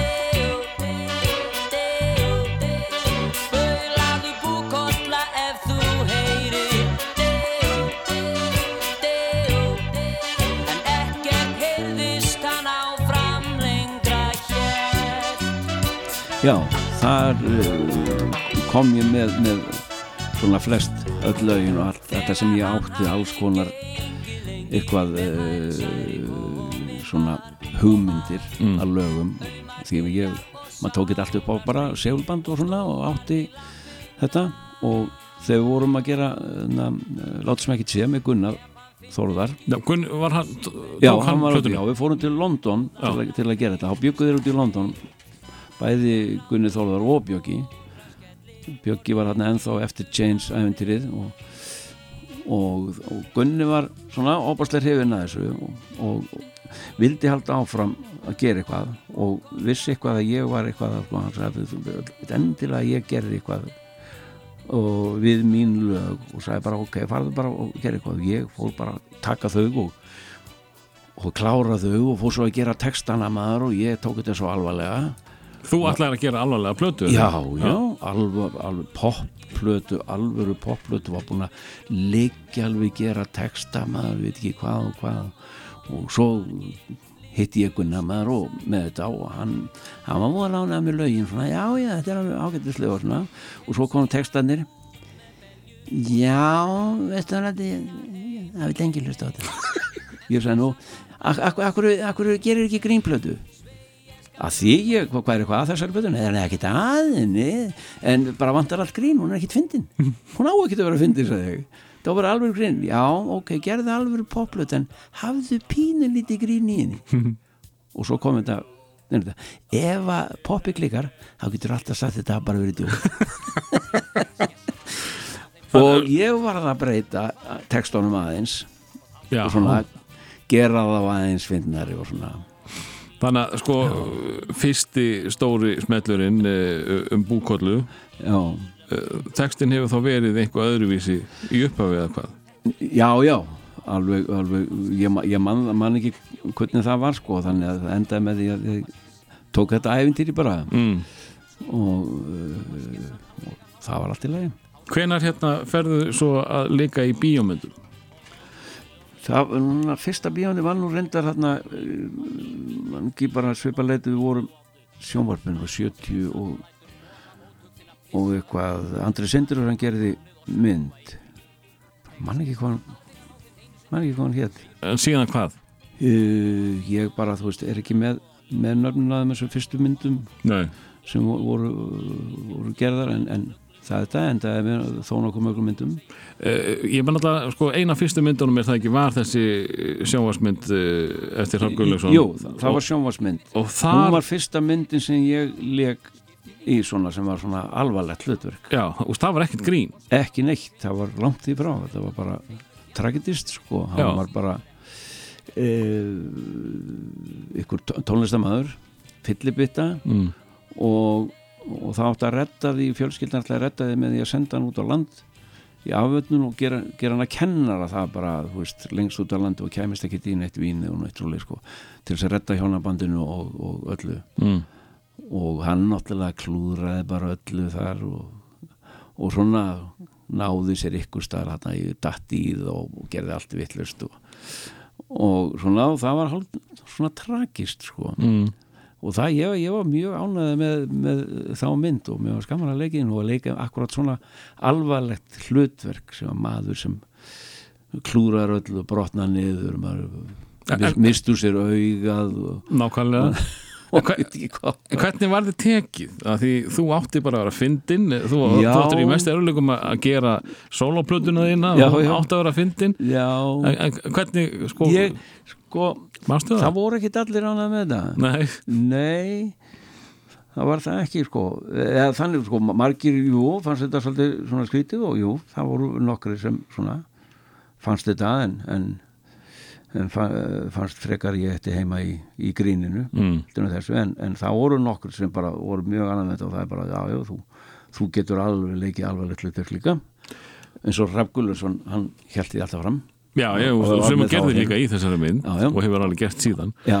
Eigum að fara aðeins í sko, eitthvað sem við náttúrulega margótt talað um. Það, það er uh, þess, þessi karaktera sem að, sem að smá saman uh, þeim fjölgaði.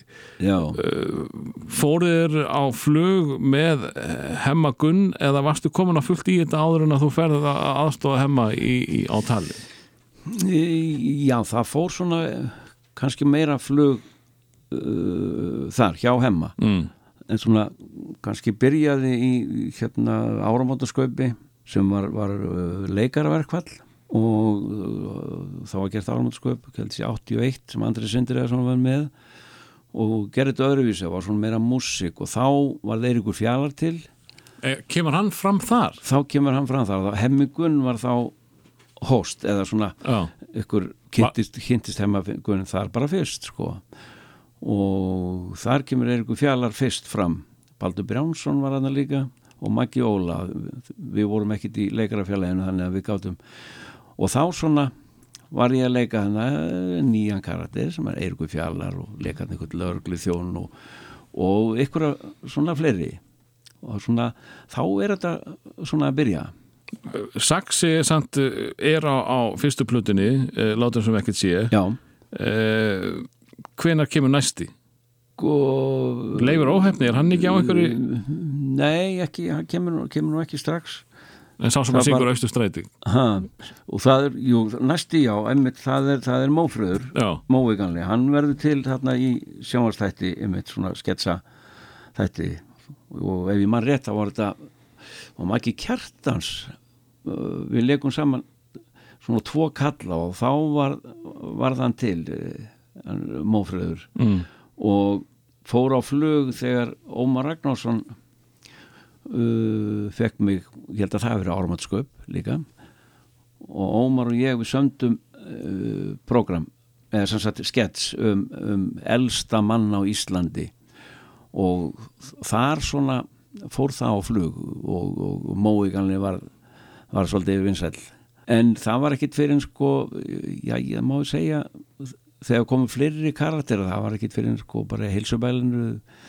Já, Þórður Húsvörður, hann Þórður var náttúrulega með Bryndísi Já. að sjálfsögðu, jú. Hann kom er- þarna var það early 80s svona þriðji, já, Já, hann, eh, já hann kom þarna hann var 80s. gífulega vinsæll hjá okkur börnunum já, já, já, já, Aha. já, já, með ásand Bryndísi, sko já, já, þannig að, að fötanda fólki fór að horfa á. Mm þannig að ég grætt á því. Já. þannig að þeir fíluðu, fíluðu húsverðin já, það var svona eh, bætast alltaf við einn og einn eh, karakter Þetta er svona, eins og sagan er til þess að þá er þetta svona óvart Saxir Já. Elgamall Eiríkur Fjalla verður til í, í skaupinu Þórður Húsvörður verður til vegna þess að, hann þarf að vera þarna í, stundin okkar já, já Eh, En hvenær ferður bara að búa til menn Já. til þess að leika þið með? Já, sko, það var kannski í hérna, við vorum með sjó út og sögu Mm. alltaf. Og þar var verið að búa til svona karaktera, þar var skúli rafirki var til þar til dæmis. Og hérna uh, svona einn og einn þá var maður að nota saxa og svona svo bættist hann við. Og uh, og svo eins og ég segir sko, hjá Hemma Gunn náttúrulega þá voru Dengsi til og Elsa Lund svona var svona fjölskyldan að myndast svona kom einn og einn en, en, uh, og svo náttúrulega helsubælið og, og svona þann, það var nú enginn þáttur svona með þeim öllum eða svona flestu nema sko voru nokkrir þarna í helsubælinu þar voru þó nokkrir sko Gerður ekki einhvern tíðan tónlistamindband með mörgum þeirra sem, sem komum fram? Með rámar eitthvað í það að þú hafur eitthvað verið að tala við sjálflega þig? Jú, það var Egil Eðvarsson gerði myndband um eitthvað, það var einhver sjómars auglýsing eða ekki, það, það var eitthvað þannig gerði þetta tvisvar. Mm. og þá var ég og leka á móti sjálfum mér og, og hann var að leika sér eða ég var einmitt í ein, einni svona þá voru við bara fjórir eða fimm sko, það var Skúli Rafirki og, og Eirikur Fjallar og Magnús Bondi og og, og fleiri sem voru að syngja eitthvað lag. Ég, ég man ekki alveg fyrir hvað það var en það var, það var ykkur, ykkur skemmtið áttur Eh, Sko að því að minnast á Eirik Fjala sem að var eh, einn af þínum, allra vinsalustu lengi vel framan af. Já, eh, Hann kemur út á plötu eh, hvað hérna, hvað, hvað er að því nú? Nei, skammast því svo. Uh, ekki já með plata. hann að skamast eins og það var, það var að fyrsta. Og var ekki pönglaðið hinum megin Jú, Ég er nú búin að heyra þessa sögu en ég hef aldrei fengið hann að staðfesta. En uh, þegar að hljómsveitin Strangles kemur til lands þá er ekkit pöng til á Íslandi er mér sagt og þið fengnið til þess að hitta upp. Já. Nei, það var nú, var nú ekki þannig sko. Það var ekki þannig nei. nei, nei, nei, nei, nei, það var bara ég bara Já, þú, þannig að þú vilt ekki kannastu það að hafa Nei, hittað upp fyrir Strangles ekki fyrir uh, nei, nei, nei, eða klass Nei, ok, Nei, nei. þegar að þú ert farin að sko móka út karakterum og, og, og flestallið er að slá rosalega í gegn færð að finna fyrir einhverju pressu já, nú er ég að fara að búið til fleiri? Já, það var sko var búið að vera náttúrulega í langan tíma sem, sem var engin uh, kom ekki karakter það var náttúrulega bara út af því að, að það var sko, þá var maður ekkit í, í sjónvarpinu svo lengi, allir þessi skemmt að þetta voru svona eiginlega búnir og, og þetta var þannig að þú varst eiginlega búið til karakter sem átti eitthvað að lifa. Þú varst að gera hann í sjónvarpinu. Mm. það sem, sem hann uh, fengi frægð. Þannig að það var einhvern veginn þannig. Og það var búið að vera í langan tíma, það var leið ykkur langun tími þangar til dæmis við byrjaði hjá Hemma og, og, og Dengsi kom Mm. og Elsa Lund svo bara uh, var þetta eiginlega ekki hægt? Ég, segi, ég gæti ekki verið að búið til karakter bara til þess að koma allt í hennu með á skemmtun og enginn kannast við. Einmitt. það varð að komast í sjónvarpið og, og þegar þá er þetta bara allt búið sko. Þessir, þessir skemmtið þettir þannig að, að, að það var engin pressa, jú það fólk var alltaf að tala um það sko, á ekki að fara að koma með nýjan karakter og, og ég sagði bara "Eh, það er svo erfitt að búa til nema þú veist komast í sjónvarpið. Eh, Tölum aðeins um uh, heilsubælið. Það var náttúrulega eitt af alls í mörgum stórum uh, smellum hjá uh, ykkur.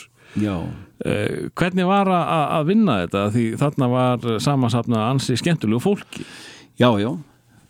Við byrjum að vinna þetta bara þrjú saman, ég, Gísli og Edda. Mm.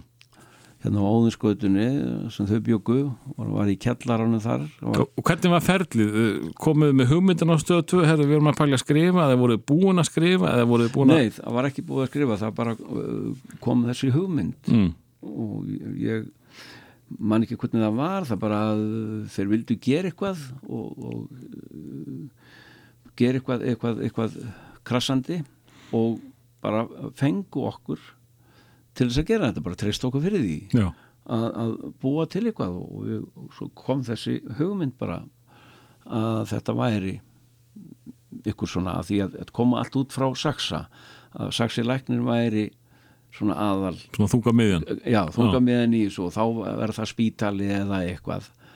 Og, og, og enda með þetta var náttúrulega bara helsuhælið í hverja gerði en verða helsubælið í gerfa hverfi mm. og þa þannig var það bara og við bara byrjum og vorum bara alveg held ég bara heilt sömar að, að, að skrifa þetta og heima hjá Gísla og Eddu og bara salla inn, inn hugmyndum og og svo komu þau inn í þetta uh, Júli Brjáns og, og, og Pálmi og svo náttúrulega bara nokkri svona aukalegarar Mm. Og, og, og bara ferlið við að taka þetta upp og, og svona Já, þetta var, var gífuleg vinna sko, þetta þurfti að gera allt voðalega hratt og svona þegar þetta var lagsins komið og við unnum með bara myrkan á milli þannig sko, það var, var tekið upp sko alveg frá átta á mótnana til bara eins lengi og hætta þangar til bara allir verið að hætta. Uh, sem sagt mátti ekki verið í yfirvinnu eða eitthvað. Mm. en þá heldum við áfram sko. Gísli held okkur eftir til þess að, að, að uh, æfa fyrir næsta dag og uh, semja eitthvað aðeins meira og svona þannig að við vorum allan sólverðingi við stundum bara rétt lögum okkur bara áður en upptaka byrjaði við vorum bara framöndu morgun oft að þessu hvar var þetta tekið? upp? upp á stöð 2 hérna upp í Upp á hálsi? ha, Hann upp á hálsi, Linkhálsi? já, Ringálsi Já. þar, þar var bara stúdíó, þetta er bara smá stúdíó þetta var bara fréttastúdíóið Já, já, já, þá þetta bara og hann bara Bjössi Björs, hann kom þessu þannig fyrir litlu leikmynd sem að til eitthvað þannig þetta virkaði rosalega stort mm. svo náttúrulega notuður korpústæði til þess að það verið súmenn og gluggan og allt í held þetta væri bara þar inn og þetta virkaði æðislegi gangur og dótari þetta var alltaf sami gangurinn sko, sama hotni bara tekið frá mismunandi sjónarhotnum og þá virkaði þetta bara komum hlaumandi hérna, beigðum svo kom aftur hlaumandi hérna og beigðum til hæri sko, mm. samir var vinstir og þetta virkaði alveg rosalega stort Ég held að þið værið í einhverju skemmu sko. Ég var alveg klára á því allir held þetta væri tekið upp á korpústöðum Já, já. þar inni en þetta var litla stúdíóið. Þetta var alveg makalust sko. Það, ég var nú bara að taka ofan fyrir, fyrir þessu og, og, og, og þessum sem stjórnuðu þessu og, og náða að platta okkur þarna Já, já. áhörundur og við þurftum alltaf, alltaf að hætta með fréttinu voru sko. Og bara hend út bara og rutt til aðeins bara rétt að koma réttaborðinu fyrir. Þetta er magnað. Já, þetta var alveg magnað og, alveg stórfurðulegt að geta gert þetta hana í þessu litla en það hafði kostaði mikla vinnu og, og, og svona. Ég mikla starffræði myndi ég segja líka.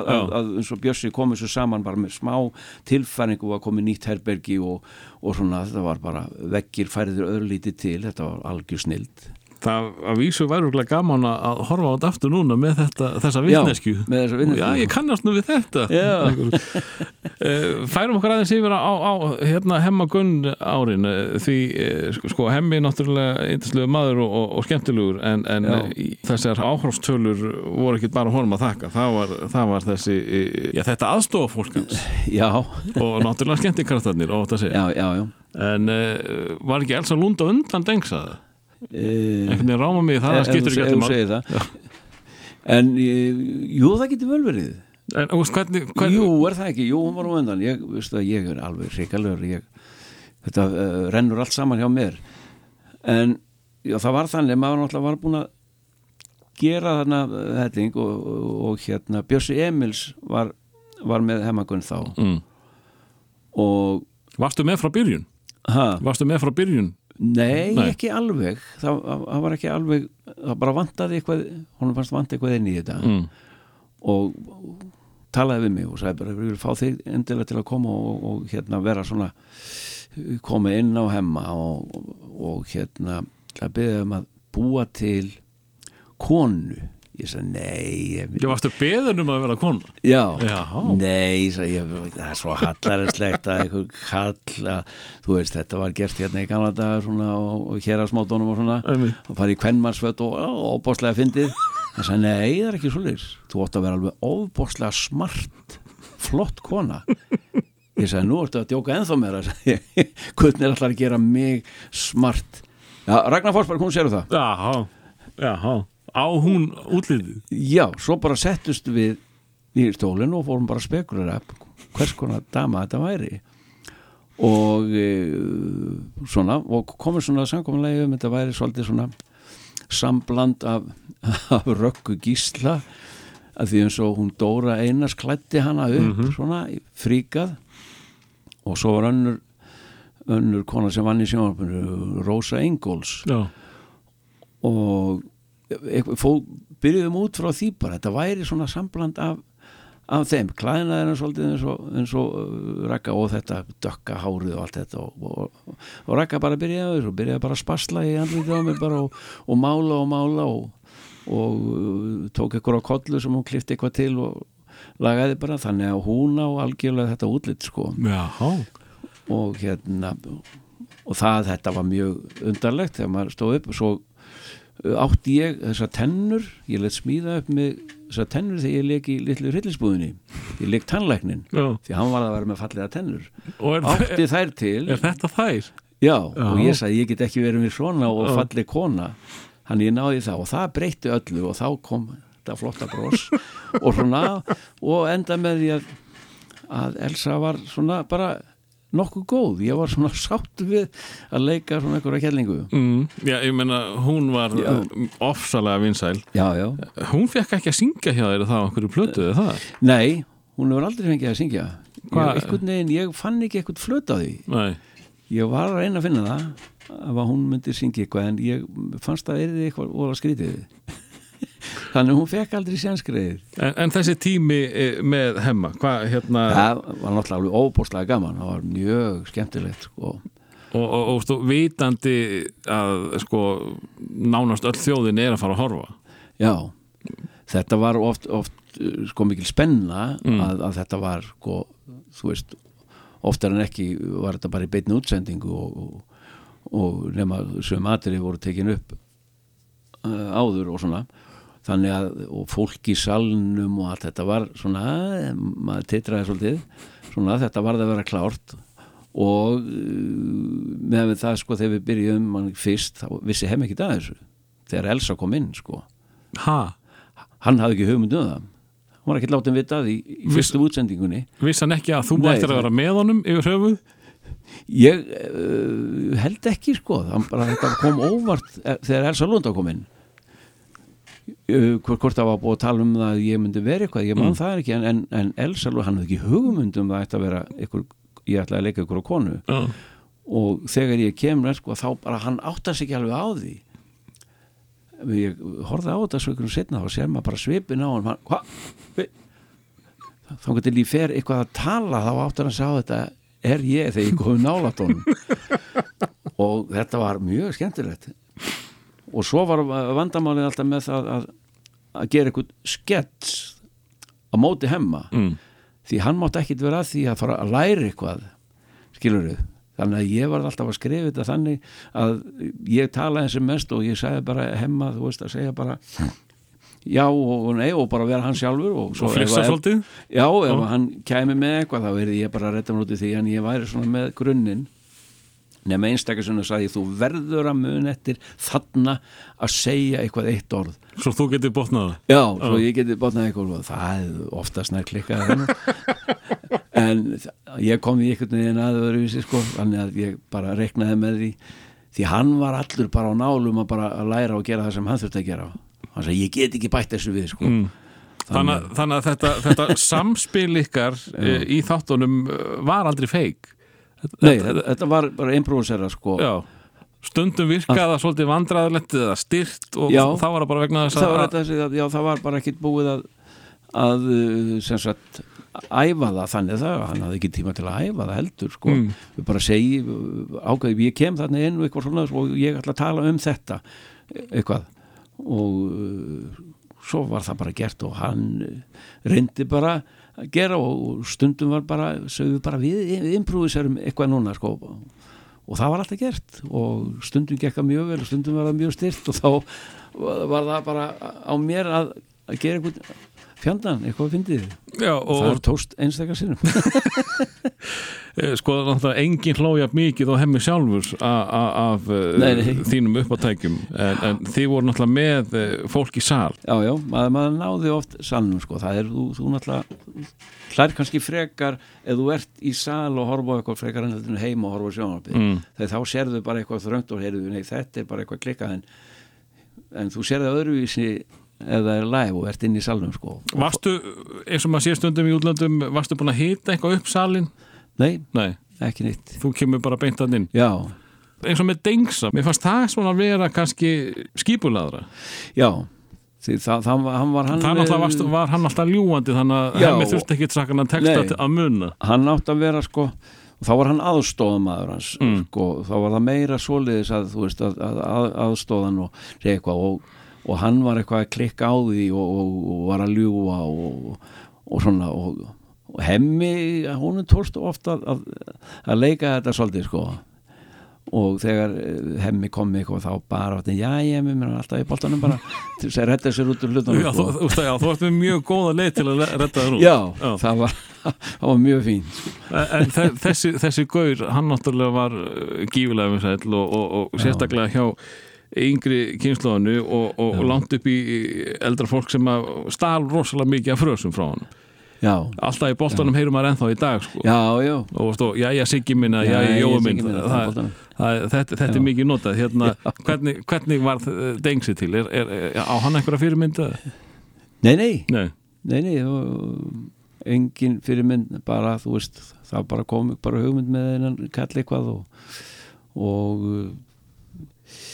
ég bara vildi, vildi að hann væri með, með hárkollu sem væri alltaf skökk eða eitthvað sko, hann var alltaf að laga hana sko, hann var, ekki að fela það væri, hann var bara lögð svona ofan hún var alltaf á hreyfingu. Og alltaf að segja, heimi, er er nokkuð skökk? Er nokkuð skökk? Og svona, veist og það bara gerði það að- verkum að, að það var svona hafði eitthvað að gera og, og kom átt fólki til að hlæja líka. En uh, nei, það var engin fyrirmynd af honum eins og svona flest allir voru bara eitthvað eitthvað bara já, já, bara eitthvað í mínum haus Eh, Anna sem að þú hefur nú rætt margóft áður en ég verð bara rétt að fá að aðeins koma inn á já, það er náttúrulega uh, þegar þú varst að tala inn á teknimyndir og uh, blessuðu strumpandir La la la la la la la la la la la la la Ó! Ah! Hjálp, hjálp! Strimpar í hættu, komið! Hvað er að strippa? Það er ræðilegt skrýmsli í garðinu mínum Skrýmsli í garðinu þínum? Jæja þá, komdu út með hendunar upp í loft. Þetta, þetta er bara ég Letur strimpur, hvað varst að gera þarna? Upp á síkast hef ég ekki getað sofið og mér síndist þetta rólegu staðu til að reyna Getur þú ekki sofið? Þú af öllum strumpum? Nei, það er verra en að deyja. Var verið að vinna svona mikið með eh, að spara aurin þegar að þú varst fengið til að taka allt? Það, það er eitt að taka nokkur. Já, eh, eða leiklastu fyrir alla og, og sannaði bara að þú, það þarf ekki fleiri. Hvern, hvernig Nei, þetta var sko Steinar Berg. Mm. Var, var með þetta og, og þetta var, ekki, þetta var mjög vinsast ellendis þannig að maður hefði Já. haldið að productionum myndi verða svolítið stór hér heima já, þegar þetta já, kom þetta voru náttúrulega alveg, mann ekki hvað þetta voru margir þættir og uh, til að byrja með, minnst það og hérna, hann kemur til mér til að gera þetta bara og þú veist, og þetta eru margir þættir og þetta eru margir strömpar og ég, já, já ég var að fá, fá ykkur til þess að leika í þessu Fekst þú verkefnið? Já, Jaha. ég bara fekk verkefnið og hann segir einhvern veginn svona bara gerir þú þetta ekki bara sjálfur? Einhvern veginn svona. Ég sagði þú meinar alla þessa?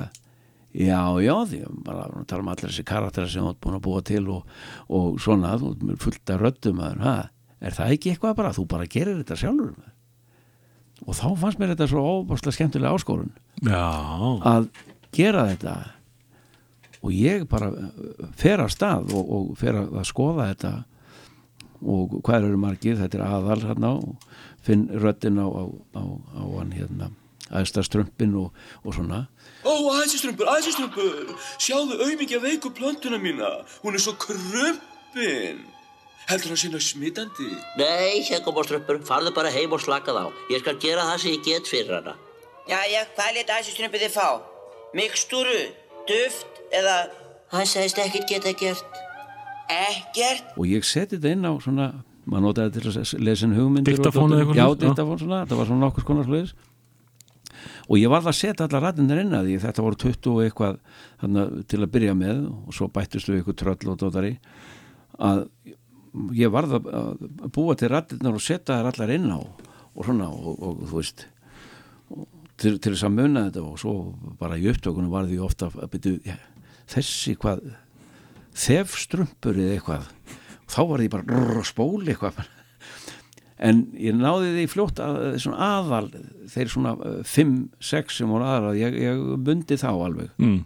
og, og röddina þeim. En svo, svo voru hinnir sem voru sjálfnar þá því alltaf að spóla og, og leita að röddin og, og stó, er þetta alveg frá þér að, að fylgja erlendri fyrirmynd eh, að, Nei, þeir, bara, það, þeir voru allt öðruvísi Já. erlendi það þeir voru frekar svona frekar svona þú veist e, æ, svona skræki sko, ekki, ekki Mm. alveg eins og og hérna þegar Halli söngin á Já, með þeim var allt svona hálf- skripplarnir en, en þeir voru samt með svona, svona uh, öðruvísi rættir svona aðeins uppspýtaðar minni mig. Mm. en þannig að þetta voru allt bara, bara Íslands bara úr mínu ranni sko, þannig að ég var ekkit að ekkit að, að herma eftir neinu hjá þeim sko. Þetta er svolítið magnað. Þannig að, Já, þetta var líka svakaleg vinna já, maður ég skal trúa því. Var, Þetta minna eh, ekkit mál í dag nei, nei, en þá nei, jú, þetta er samt voru mál í dag. Já, en það voru til, núna eru til sko bara hvað viltu margar ásir mm. fleiri þúsund. En þarna vorum við bara með í raun og veru sko tvær eða kannski fjórar ásir, voru ekki nema bara tvær ásir og ég þurfti að taka sko uh, annarkot strömp sem, sem tala við sjálf að því ef, ef maður klikkaði eitthvað þá þurfti maður að fara tilbaka og byrja aftur. Þetta var bara svo sveitalegt þá. Og þetta var svakalega vinna hjá okkur. Og það oft þurfti bara að klippa því maður gæti ekki farið alla leið tilbaka. Og svo var maður að- alltaf að, að hérna, finna eitthvað nýtt út úr þessu. Og til þess að flýta fyrir. Og ég var með handritið og ég lagaði það til og, og svona. Og svo tók ég annarkot strömp sko. Mm. og, hérna, og svo hinn rásinn hinn sem svara á móti. Já, ok. Já þetta var alveg hrikalegt maður. Það, það, og svo var ég komin yfir í það að geta tekið á bara báða láta á tala saman sko. Bara í já, læg svissaði yfir bara. Já, ok. Á, og það tóst stundum sko í ykkur smá tíma. Og gáttu við stoppað og, og, og. En núna bara væri þetta ekki nokkuð mál nú var þetta að setja inn bara þú veist bara inn í miðju já eða eitthvað bara Já, skilur já, við já. Þarna var ekkert hægt þannig að þetta við vorum ansi lengi að þessu sko og maður var sveittur alveg tíu klukkutíma á dag Já, þetta hljóma þannig að þú værir ekki til að gera þetta aftur með gömlu tekninu ekki svoleiðis, nei, Nei. nei. En uh, ég gæti alveg gert þetta með teknin í dag því það er miklu léttara sko. mm Það er náttúrulega ansi margt til að tala um en, en uh, klukkan að verða og allt það. Uh, Mér langar aðeins að staldra bara við uh, sko Latta 60 sjóið sem að var enn eitt stóðsmöllurinn sem að átti að vera hvað, tíu síningar eða eitthvað? Já, já, fyrst átti þetta að vera bara þetta var bara ammæli og, og þú veist, ég myndist á ég sagði bara, bara eitthvað helgi bara fjórar sýningar þeir segja, við, það þýðir ekkert. Við erum bara, það verður allavega að reyna að hafa tíu sýningar sko. Já, já, ok. Mér varst allt og mikið. En verður náttúrulega 130 En þannig að maður, maður reyði ekki neitt, þetta fór bara algjör úr böndunum sko. Þannig að Latti 60 uh, það fór að vera lígi eftir ekkert svo langan tíma. Já, Aha. já, því að ég var sko að verða 62 þegar þetta var búið sko. 61 og háls. Það var Það eitt og eitt og hálft ára held ég. Það finnst mér alveg magnað. Alveg hreint magnað. Það var svolítið klikkað, já. Uh, en uh, þú varst svolítið mikið komið með pensil í höndina og uh, búin að halda eina sýningu sem gekk svona glimrandi. Já, sem að segja mér að það það ætti nú ekki að vera alltaf langt í næstu. Þú hlýtur að vera búin að setja eitthvað á, á, á streyga já, það er ég er, er núna á full, er, er reyna að fara og hverjum degi smá tíma því ég er nú ég lóks komið með, með svona litla vinnustofu mm. og þá get ég farið að vinna þetta meira heldur en, heldur en heima hjá mér sko. Mm. þannig að ég þarf ekki alltaf að taka til þannig að núna er og þannig að það er mjög stutt í næstu sýninga þannig að ég er að djöflast núna til að reyna að klára eitthvað uh, svona þann fjölda sem ég ætlaði að gera Já. og hérna þannig að ég, ég veit það ekki það kannski verður sýningi núna bara í lok þessa mánadar Já. núna í mass það er ég er einmitt að fara að ræða við hann á morgun hann í galeríinu Mm. og hann vildi þetta en þá gera aðra sýningu. Já. ég vildi ekkit gera það. Nei, hann saði endilega maður. Og, og ég þarf að klára þetta. Ég var með svona svolítið sé- sérstakar myndir svona, svona karaktera sem ég teknaði Mm. er svona fígurur og er svona klára setni uh, partin af þeim svona að klára þá það systemi og, Er þetta eitthvað tenging milli mynda eða? Já, eða bara sko já, margar hugmyndir um þetta er, ég, ég er þetta eru meiri teikningar heldur en málverk sko, þetta er á, á, á pappir Mm. en samt oljulítir Mm. Þannig ég sem teikna meira þetta er svona, ég kalli þetta, þetta er svona álvarnir og hraunir í hafnaverði Mhm.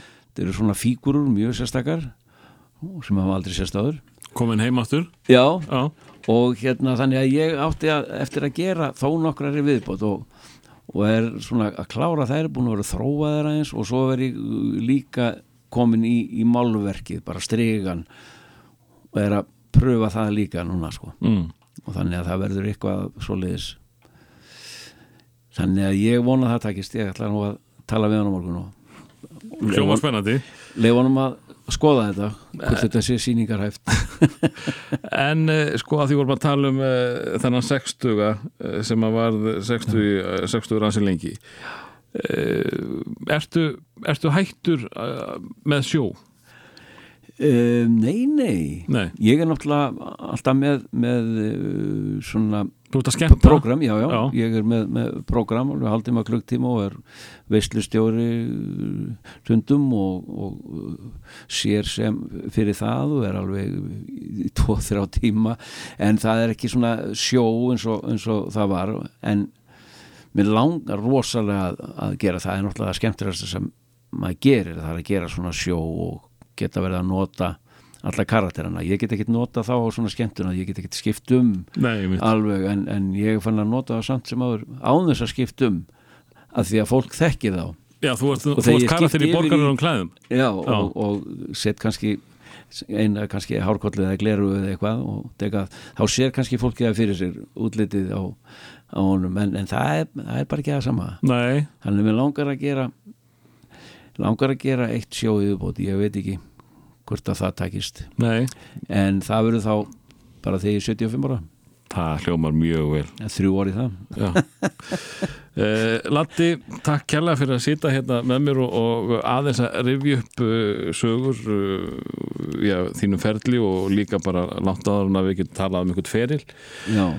Uh, og það er sem sagt uh, Latti 75 það er Eh, kannski, vonandi en fyrir þá sem að vilja fá Lattan sinn þá er hann í bóði Já, Já.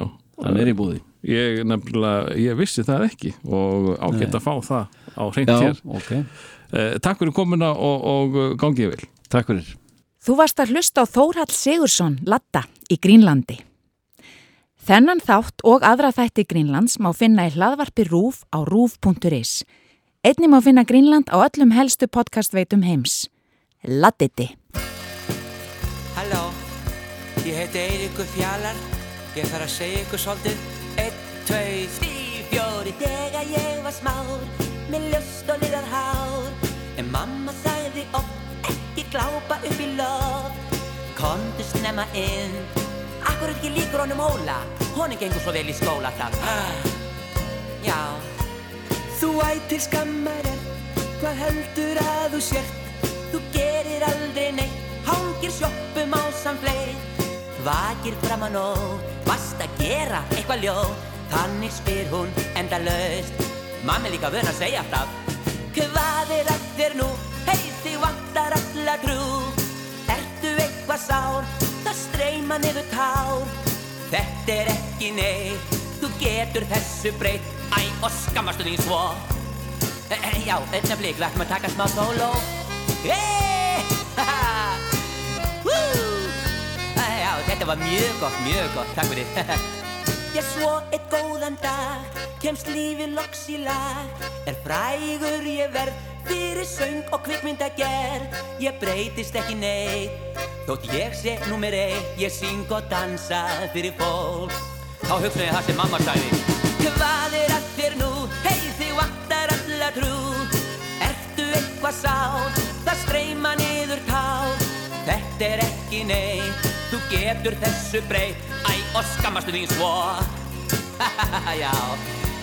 Já, hvað er að þér nú? Hei þig vantar alla trú. Ertu eitthvað sár? Það streyma niður tár Þetta er ekki Þú getur þessu breytt. Æ, og skammastu þín svo. Halló öllsumur Hvernig finnst ykkur þetta lag? Vitið þið, þetta lag var mjög vinsat á sveitaböllunum hérna um árin Þá klöppuðu allir og sungu með. Æ, og skammastu þín svo. Það var æðislega gaman. Þið getið lært að syngja það. Það er mjög einfalt, sko ég syng. Hvað er að þér nú? Og þið syngið, hei, og svo syng ég restina.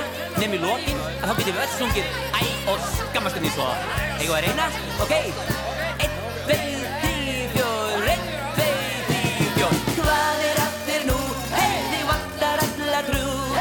Ertu eitthvað sár það streyma niður tár þetta er ekki neitt.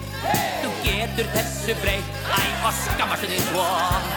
Og einnig sinni allir saman. Já, hvað er